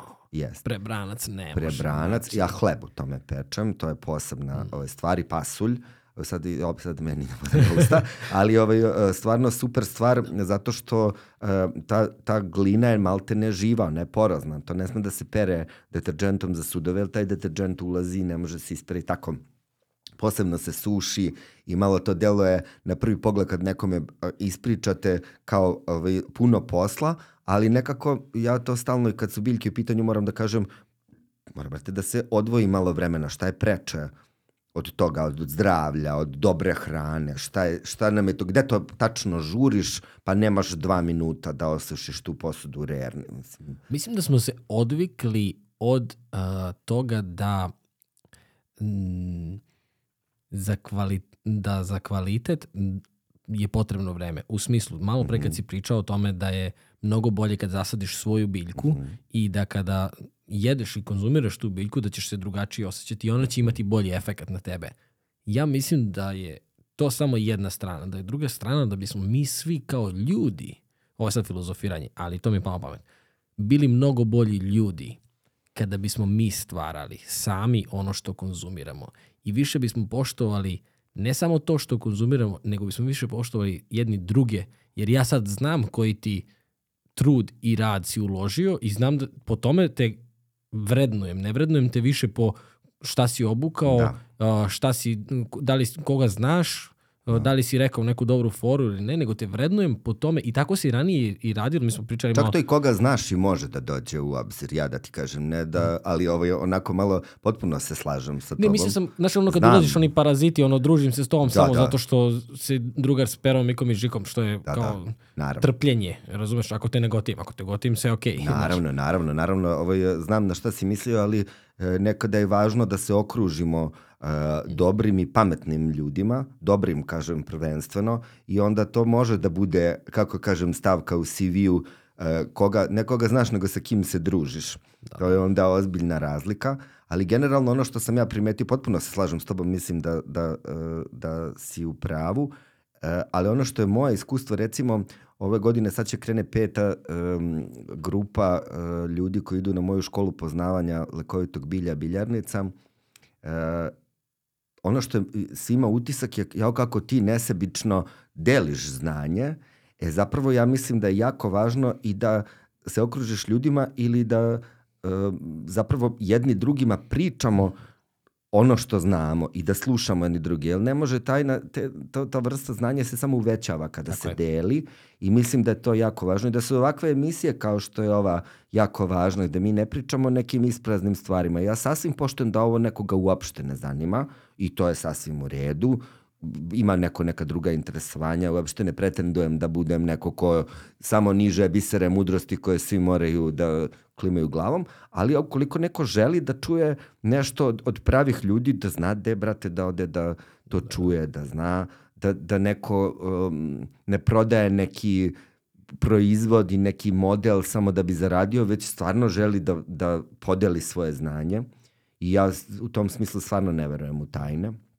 I mislim da je to važno i nekako moje iskustvo je da svi ljudi koji baš to sami su probali pa pokušali, pa oni, oni nikada nemaju problem da podele i da pričaju o svojim problemima na koje su naišli i da pričaju kako ti problemi mogu da se prevaziđu i da pomognu jedni drugima, takvi ljudi nikada nemaju tu ovaj, vrstu uh, zadrške. Uh, nekada uh, neki ljudi čekaju da prođeš neki test da vide da li uopšte vredi da ti pričaju, ali to samo zato što nekad neko nije dostojan znanjima. Ta reč dostojan malo arhaična, ali ovaj, moraš da budeš, da, da ovaj, vidim iskrenu nameru tvoju, a ne da želiš da sad to pretočiš u neki kobajagi čaj na lažno Instagram i, i ovaj, internet stranici pa da ovaj, kradeš od penzionera. To baš nije mm. lepo. Ovaj, I vrlo često danas kad to, to doba influencera, kad ti svi kao reklamiraju nešto, možda sam ja mator, ali nekako baš volim da vidim da je nešto dobro, neću uopšte da ti kažem da nešto valja. Znaš, kao vi pročitate ovu knjigu super, ja nisi je pročitao. Mislim, da, da. to je onako bez veze, ali prosto... To je bilo, desilo se, to, to sam vidio i kod nas, ali to jako mi je bilo zanimljivo. Uh, neka glumica je objavila ne, vezano za neku mobilnu mhm. -huh. kompaniju i objavila kao, kao najbolji telefon koji uvek mhm. -huh. koristim i tako dalje, a na Twitteru je ono izašlo posted uh, from my iPhone, a nije pričalo mm -hmm. iPhone-u. I da. ne znam, neki youtuber je to video, okačio je i to je postalo onako pomama. Međutim, to se dešava i kod nas, ali to je opet neka druga strana ne, da. biznisa i tako dalje. Ali možda, izvini što te prekidam, možda da se koncentrišemo na pozitivne primere, da pričamo o nekim mm -hmm. super ljudima koji rade neke super stvari. Ja sam pomenuo Sofiju. Takvih ljudi ima mnogo. Da. I meni je recimo, ja se bavim biljkama, i živim u zgradi ovako preko puta mene, bukvalno na, na 15 metara od mene se nalazi institut za biološka istraživanja e, Siniša Stanković, na kome se dešava magija. Znači ti ne veruješ kakve one istraživanja sprovode. E, ozbiljni stručnjaci, doktori nauka I nekako mnogo je strašno što se za to ne zna. Da, ja ne. Jako je strašno. Pa šta su uradili? Izolovali su iz uh, sira iz mješine, iz okoline Herceg Novog, jednu vrstu uh, laktobacilusa, mislim, dakle, nekog um, probiotika, uh, koji hemofarm sad do toga pravi lek za insulinsku rezistenciju. To je uh, specifično, samo ga ima na tom području jer i to ima veze sa mikrobiomom ruku žena koje prave taj sir. Znači, pazi to. I mi sad mislimo prebiotika, vezemo diareja, ne znam to, eventualno jačanje imuniteta, ali ovo je bukvalno insulinska rezistencija. Onda su gaje biljke iz roda nepeta, to su macina trava se zove kod nas, ili cat mint, zato što na mački dele stvarno kod roga, ali ne na sve, na polno zrele mačke, tako deluje kao kokain na čoveka. Ali ovaj, je interesantno, pošto te nepete proizvode neke iridoide koji su idealni pesticidi insekticidi za organsku proizvodnju.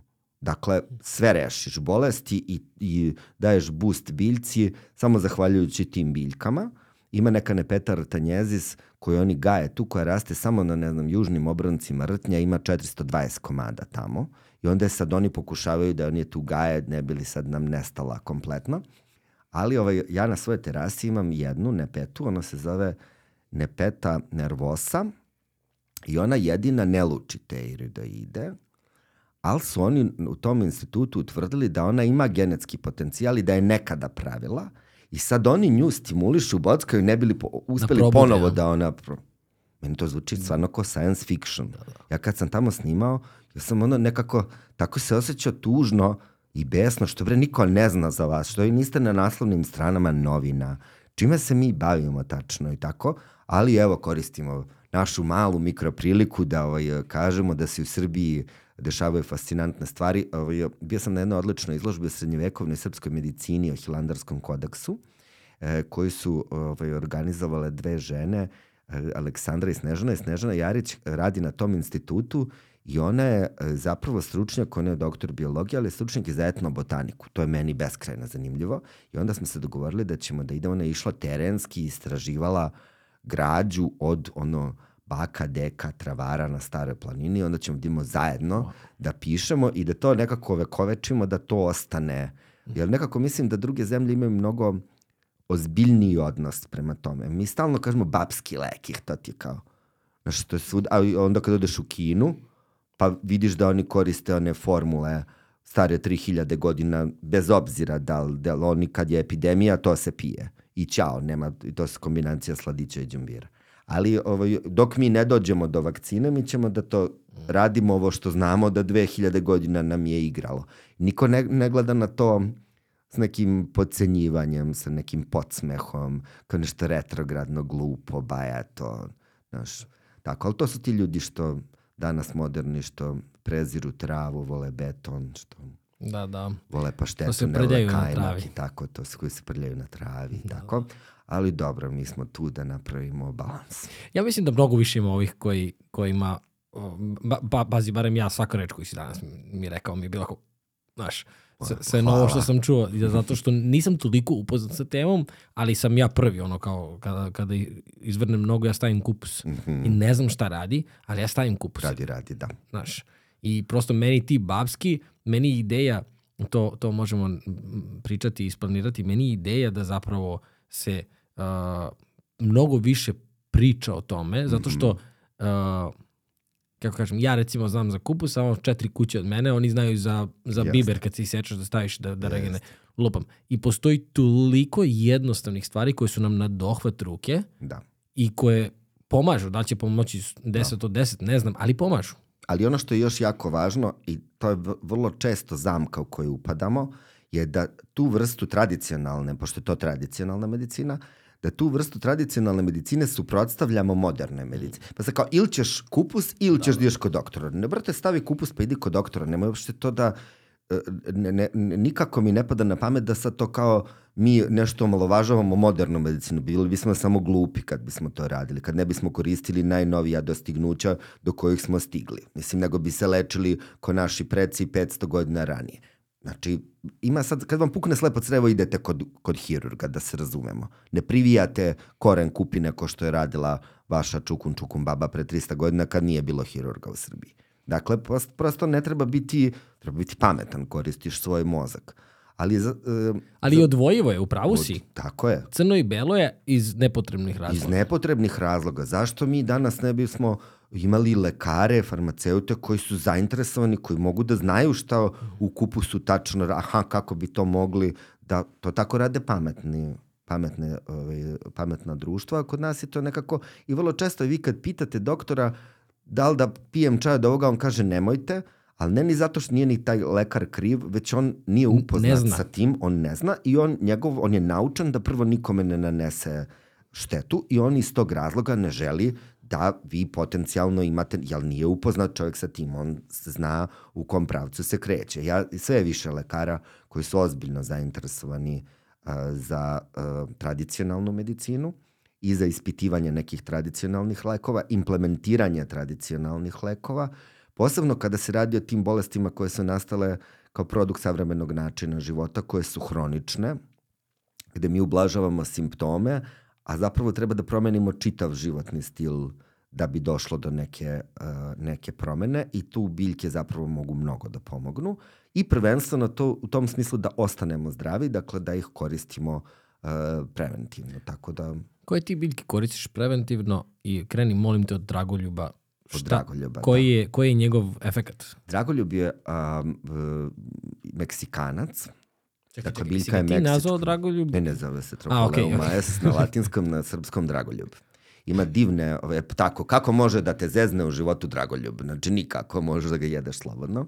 On spada iz te porodice krstašica kao kupus, kao ren, ima taj ljutkast ukus neki, podsjeća malo na ren, ali izuzetno je lepa salata i on spada, listovi se koriste ovaj, za salatu, ali ima i divne naranđaste ili žute cvetove koji su jesti od cveća i onda kad odete neki fancy restoran sa fine diningom, onda ćete možda videti Dragoljuba kako vam se smeška iz tanjira.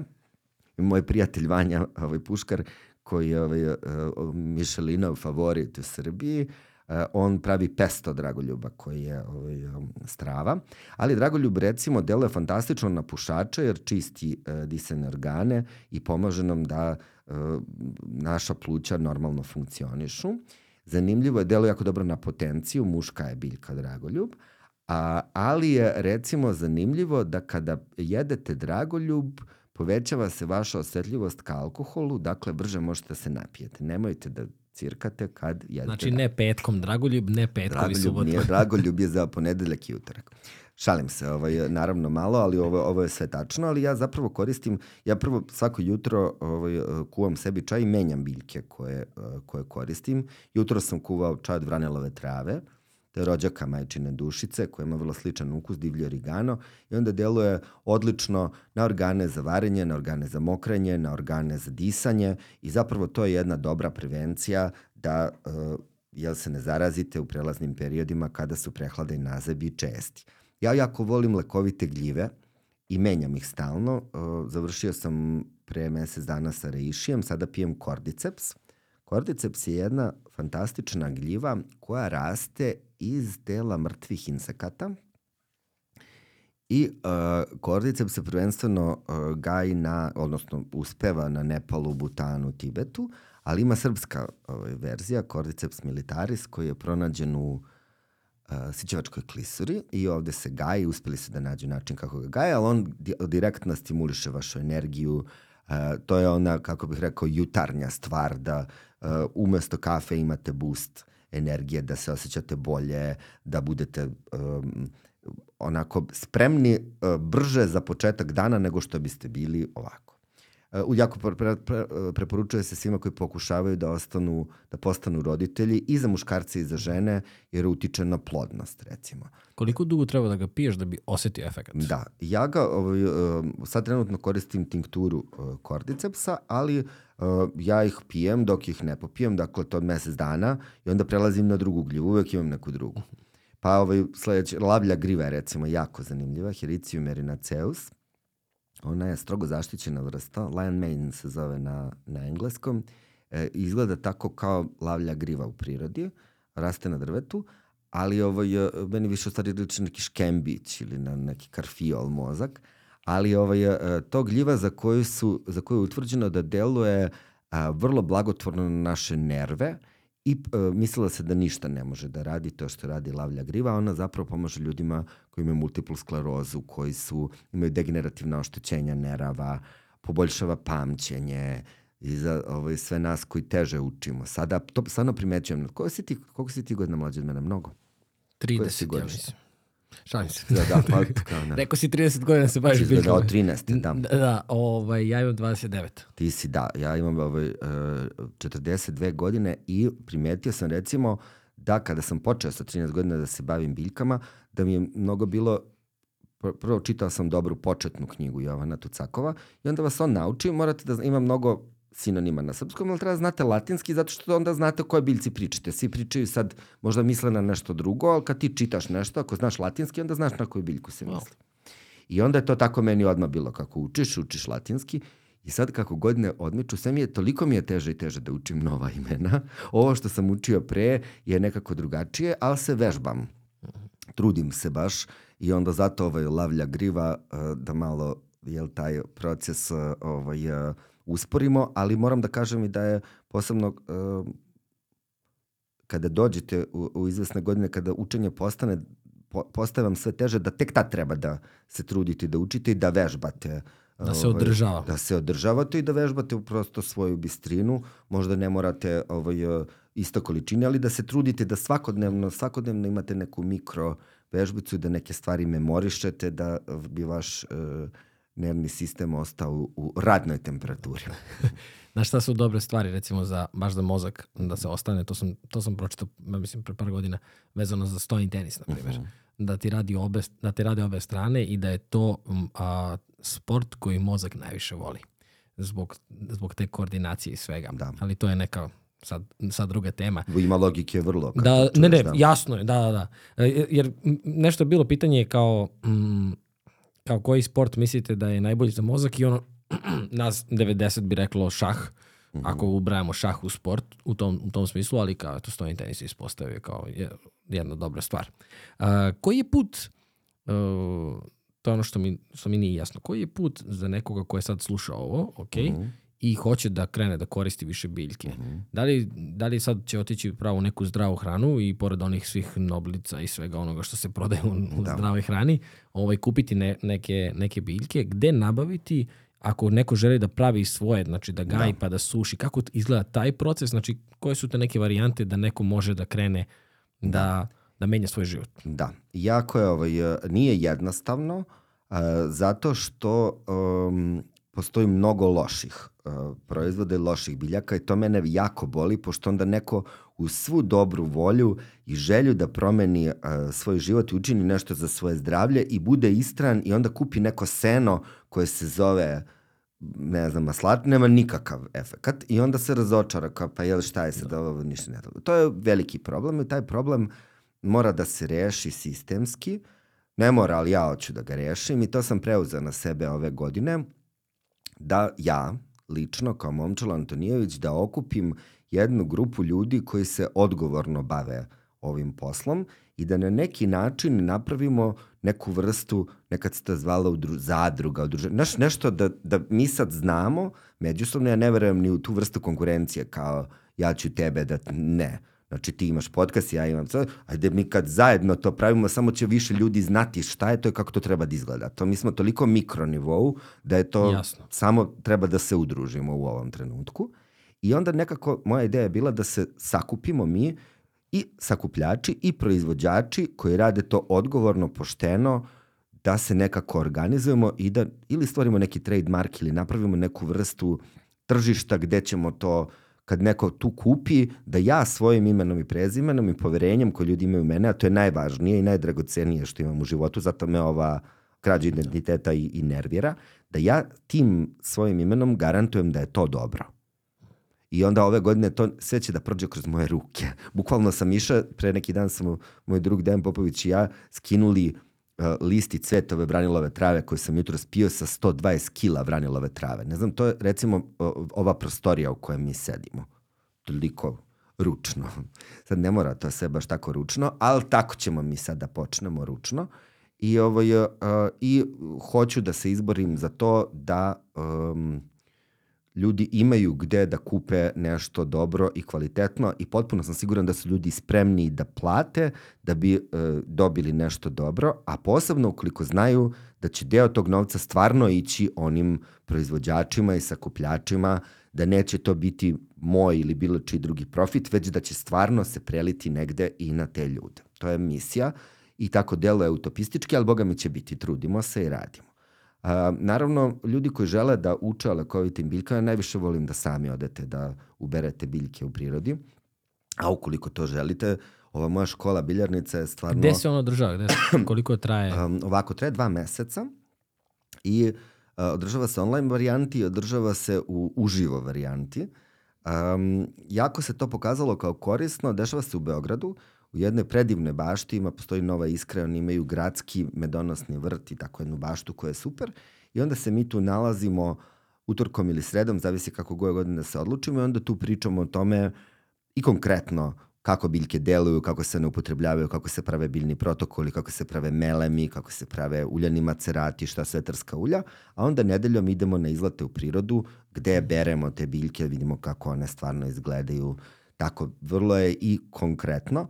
I što je jako važno, tu je meni tamo youtuberska karijera pomogla, ja to sve snimam i onda je jako korisno pošto um, je jedan dobar način komunikacije da ti ne moraš to da pamtiš, nego me slušaš šta ti pričam. Nije da kao pišeš, pišeš, jer ćeš da dobiješ taj snimak i onda ćeš moći se vraćaš koliko god hoćeš puta za sve što ti bude interesantno i onda su ta predavanja takva da zapravo ljudi učestvuju u njima, što je jako ovaj, važno i nekako meni je uvek, posle sad će više od 300 ljudi je prošlo kroz to, i vrlo, su, vrlo je zanimljivo, vrlo su različitih godina, vrlo su različitih interesovanja, sa vrlo različitim uh, uh, motivima dolaze tu, ali ono što meni um, je posebno drago je da nekako nepodeljeno svi kažu više smo, ovo je bolje nego što smo očekivali.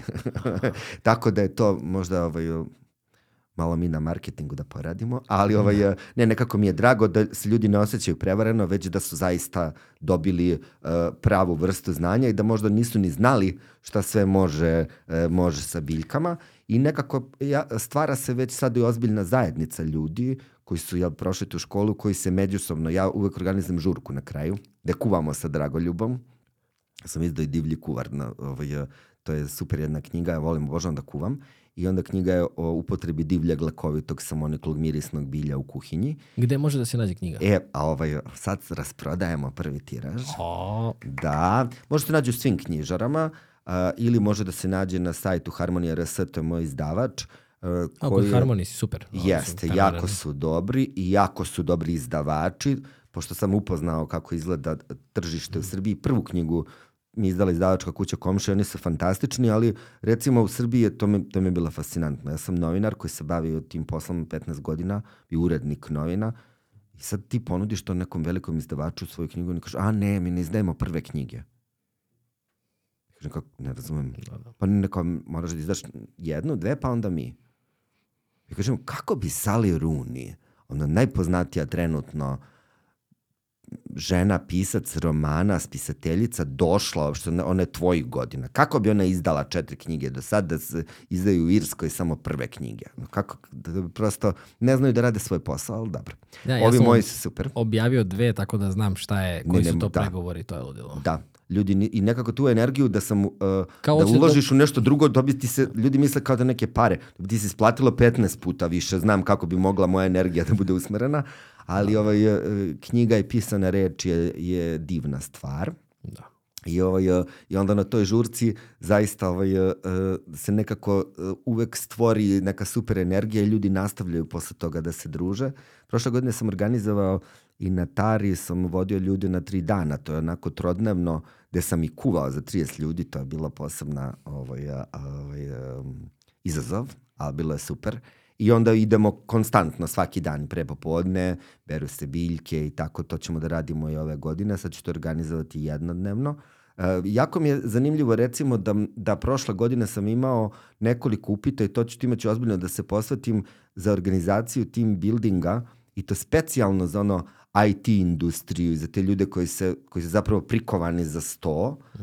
i za sedenje, koji žele da odu u prirodu i da, da ono... Imaju, pa njima je to baš tim Njima je to bravo. baš potrebno, zapravo nije ništa nelogično, ne znam šta sam se tu ja nešto toliko iznenadio, ali mi je bilo interesantno da je od njih došla inicijativa, tako da ćemo se truditi da ovaj, e, biljke približimo modernom čoveku i e, da ih naučimo kako se u prirodi ponaša i kako se prema prirodi ponaša. Tako da, ovaj, kako se ponaša prema ljudima koji se bave tim i beru te, tu mučenu majčinu, nije mučenu, nego tu mikro majčinu dušicu, skidaju cvet sa divizme. Ja kad bi ljudima objasnio koliko treba, trebam 7 kg svežeg cveta divizme da biste dobili 1 kg suvog. To je zapremljenski količina, ne, to je džakovi su ogromni. Sad vi to da skinete, da uberete, prema tome morate da imate poštovanje prema tom čoveku koji to radio. Pošto je to zaista jedan, ko, ko ništa beru, znaš zašto je šafran najskuplji začin na svetu. Poberi ti toliko tih onih tučaka, sedi pa se savi ovaj leđa, pa ne znam, 2000 komada za jedan gram. To je ovaj, zaista onako um, enormno teško i radi se sve ručno i mora da postoji neko poštovanje prema tome. Tako da. da, hvala ti što si podelio zapravo sad informacije i nekako ovaj, mene i nadam se ljude koji su slušali uveo u ceo taj svet. Ali ovo je samo onako si nam pokazao vrata, pokazao nešto što postoji siguran sam da ima još mnogo toga što smo mogli da pričamo ti i ja. Nadam se da ćeš nam doći opet i da ćemo ovaj, razgovarati upravo o toj nekoj upotrebi. Mhm. -huh. Na koji način možda neke loše, loše stvari radimo, mhm. -huh. koja je neka loša praksa, a da nismo ni svesni, znaš. Da. Ovaj, kaži mi, gde ljudi mogu najbolje da te kontaktiraju? Uh, najbolje da mi ljudi pišu na mojim društvenim mrežama. Uh, za sad mi je to tako najlakše. Uh, moj YouTube kanal se zove Snaga bilja. Na Instagramu uh, sam Momčalo Antonijević, uh, jer je nekako ovaj, um, sam želeo da to bude nešto ličnije pristup. Uh, mogu da mi pišu tu, uh, tako da trudim se, da nalazim se na Facebooku, A, I uh, mogu da mi pišu i na antonijevićmomčule.gmail.com, trudim se da odgovaram na, ovaj, zaista na, na uh, sve mailove i sva pitanja koja dobijem, što postaje sve teže, moram da kažem. I moram da se izvinim ljudima ja se stvarno trudim, ali ako na dnevnom nivou imate 50 pitanja, to nekad malo morate da sačekate, ali to bukvalno zahteva radno vreme, malte ne jedno, ali ne, ne, da ne zvuči da se žalim, ovaj, vrlo rado uh, sam tu zbog toga. Ja hoću tebi da se zahvalim na pozivu i da ti se zahvalim na tome što uh, sve više ima emisija uh, kao što je tvoja, ima više ljudi kao što si ti i kao što sam ja, koji na, po mom mišljenju, pravi način pristupaju različitim stvarima i um, rade to ozbiljno i rade to pošteno.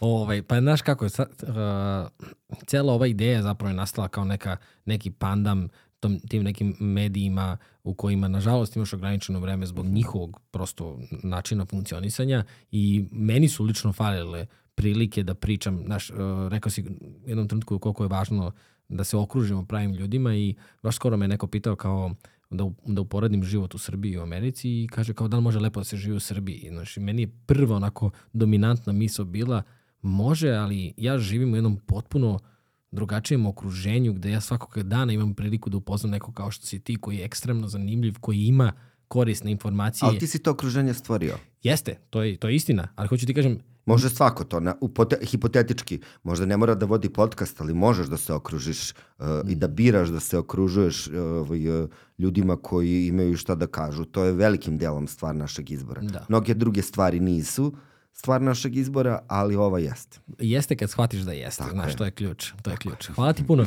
Hvala tebi. Zaista se radujem da, da ponovo sednemo i da pričamo, ovo je bilo fantastično. Ti si ekstremno zanimljiv. O, hvala. Ekstremno. Hvala, najlepše. hvala svima koji ste slušali i gledali ovaj podcast. Najbolji način da nas podržite jeste da se prijavite na ovaj YouTube kanal. Drugi najbolji način jesu PayPal, jednokratne donacije i Patreon. Hvala svima koji to redovno činite. I treći najbolji način jeste da iskoristite popust 10% uz kod Kosogor kod naših sponzora koji se nalaze u opisu. Nadam se da ste uživali i vidimo se sledeći put.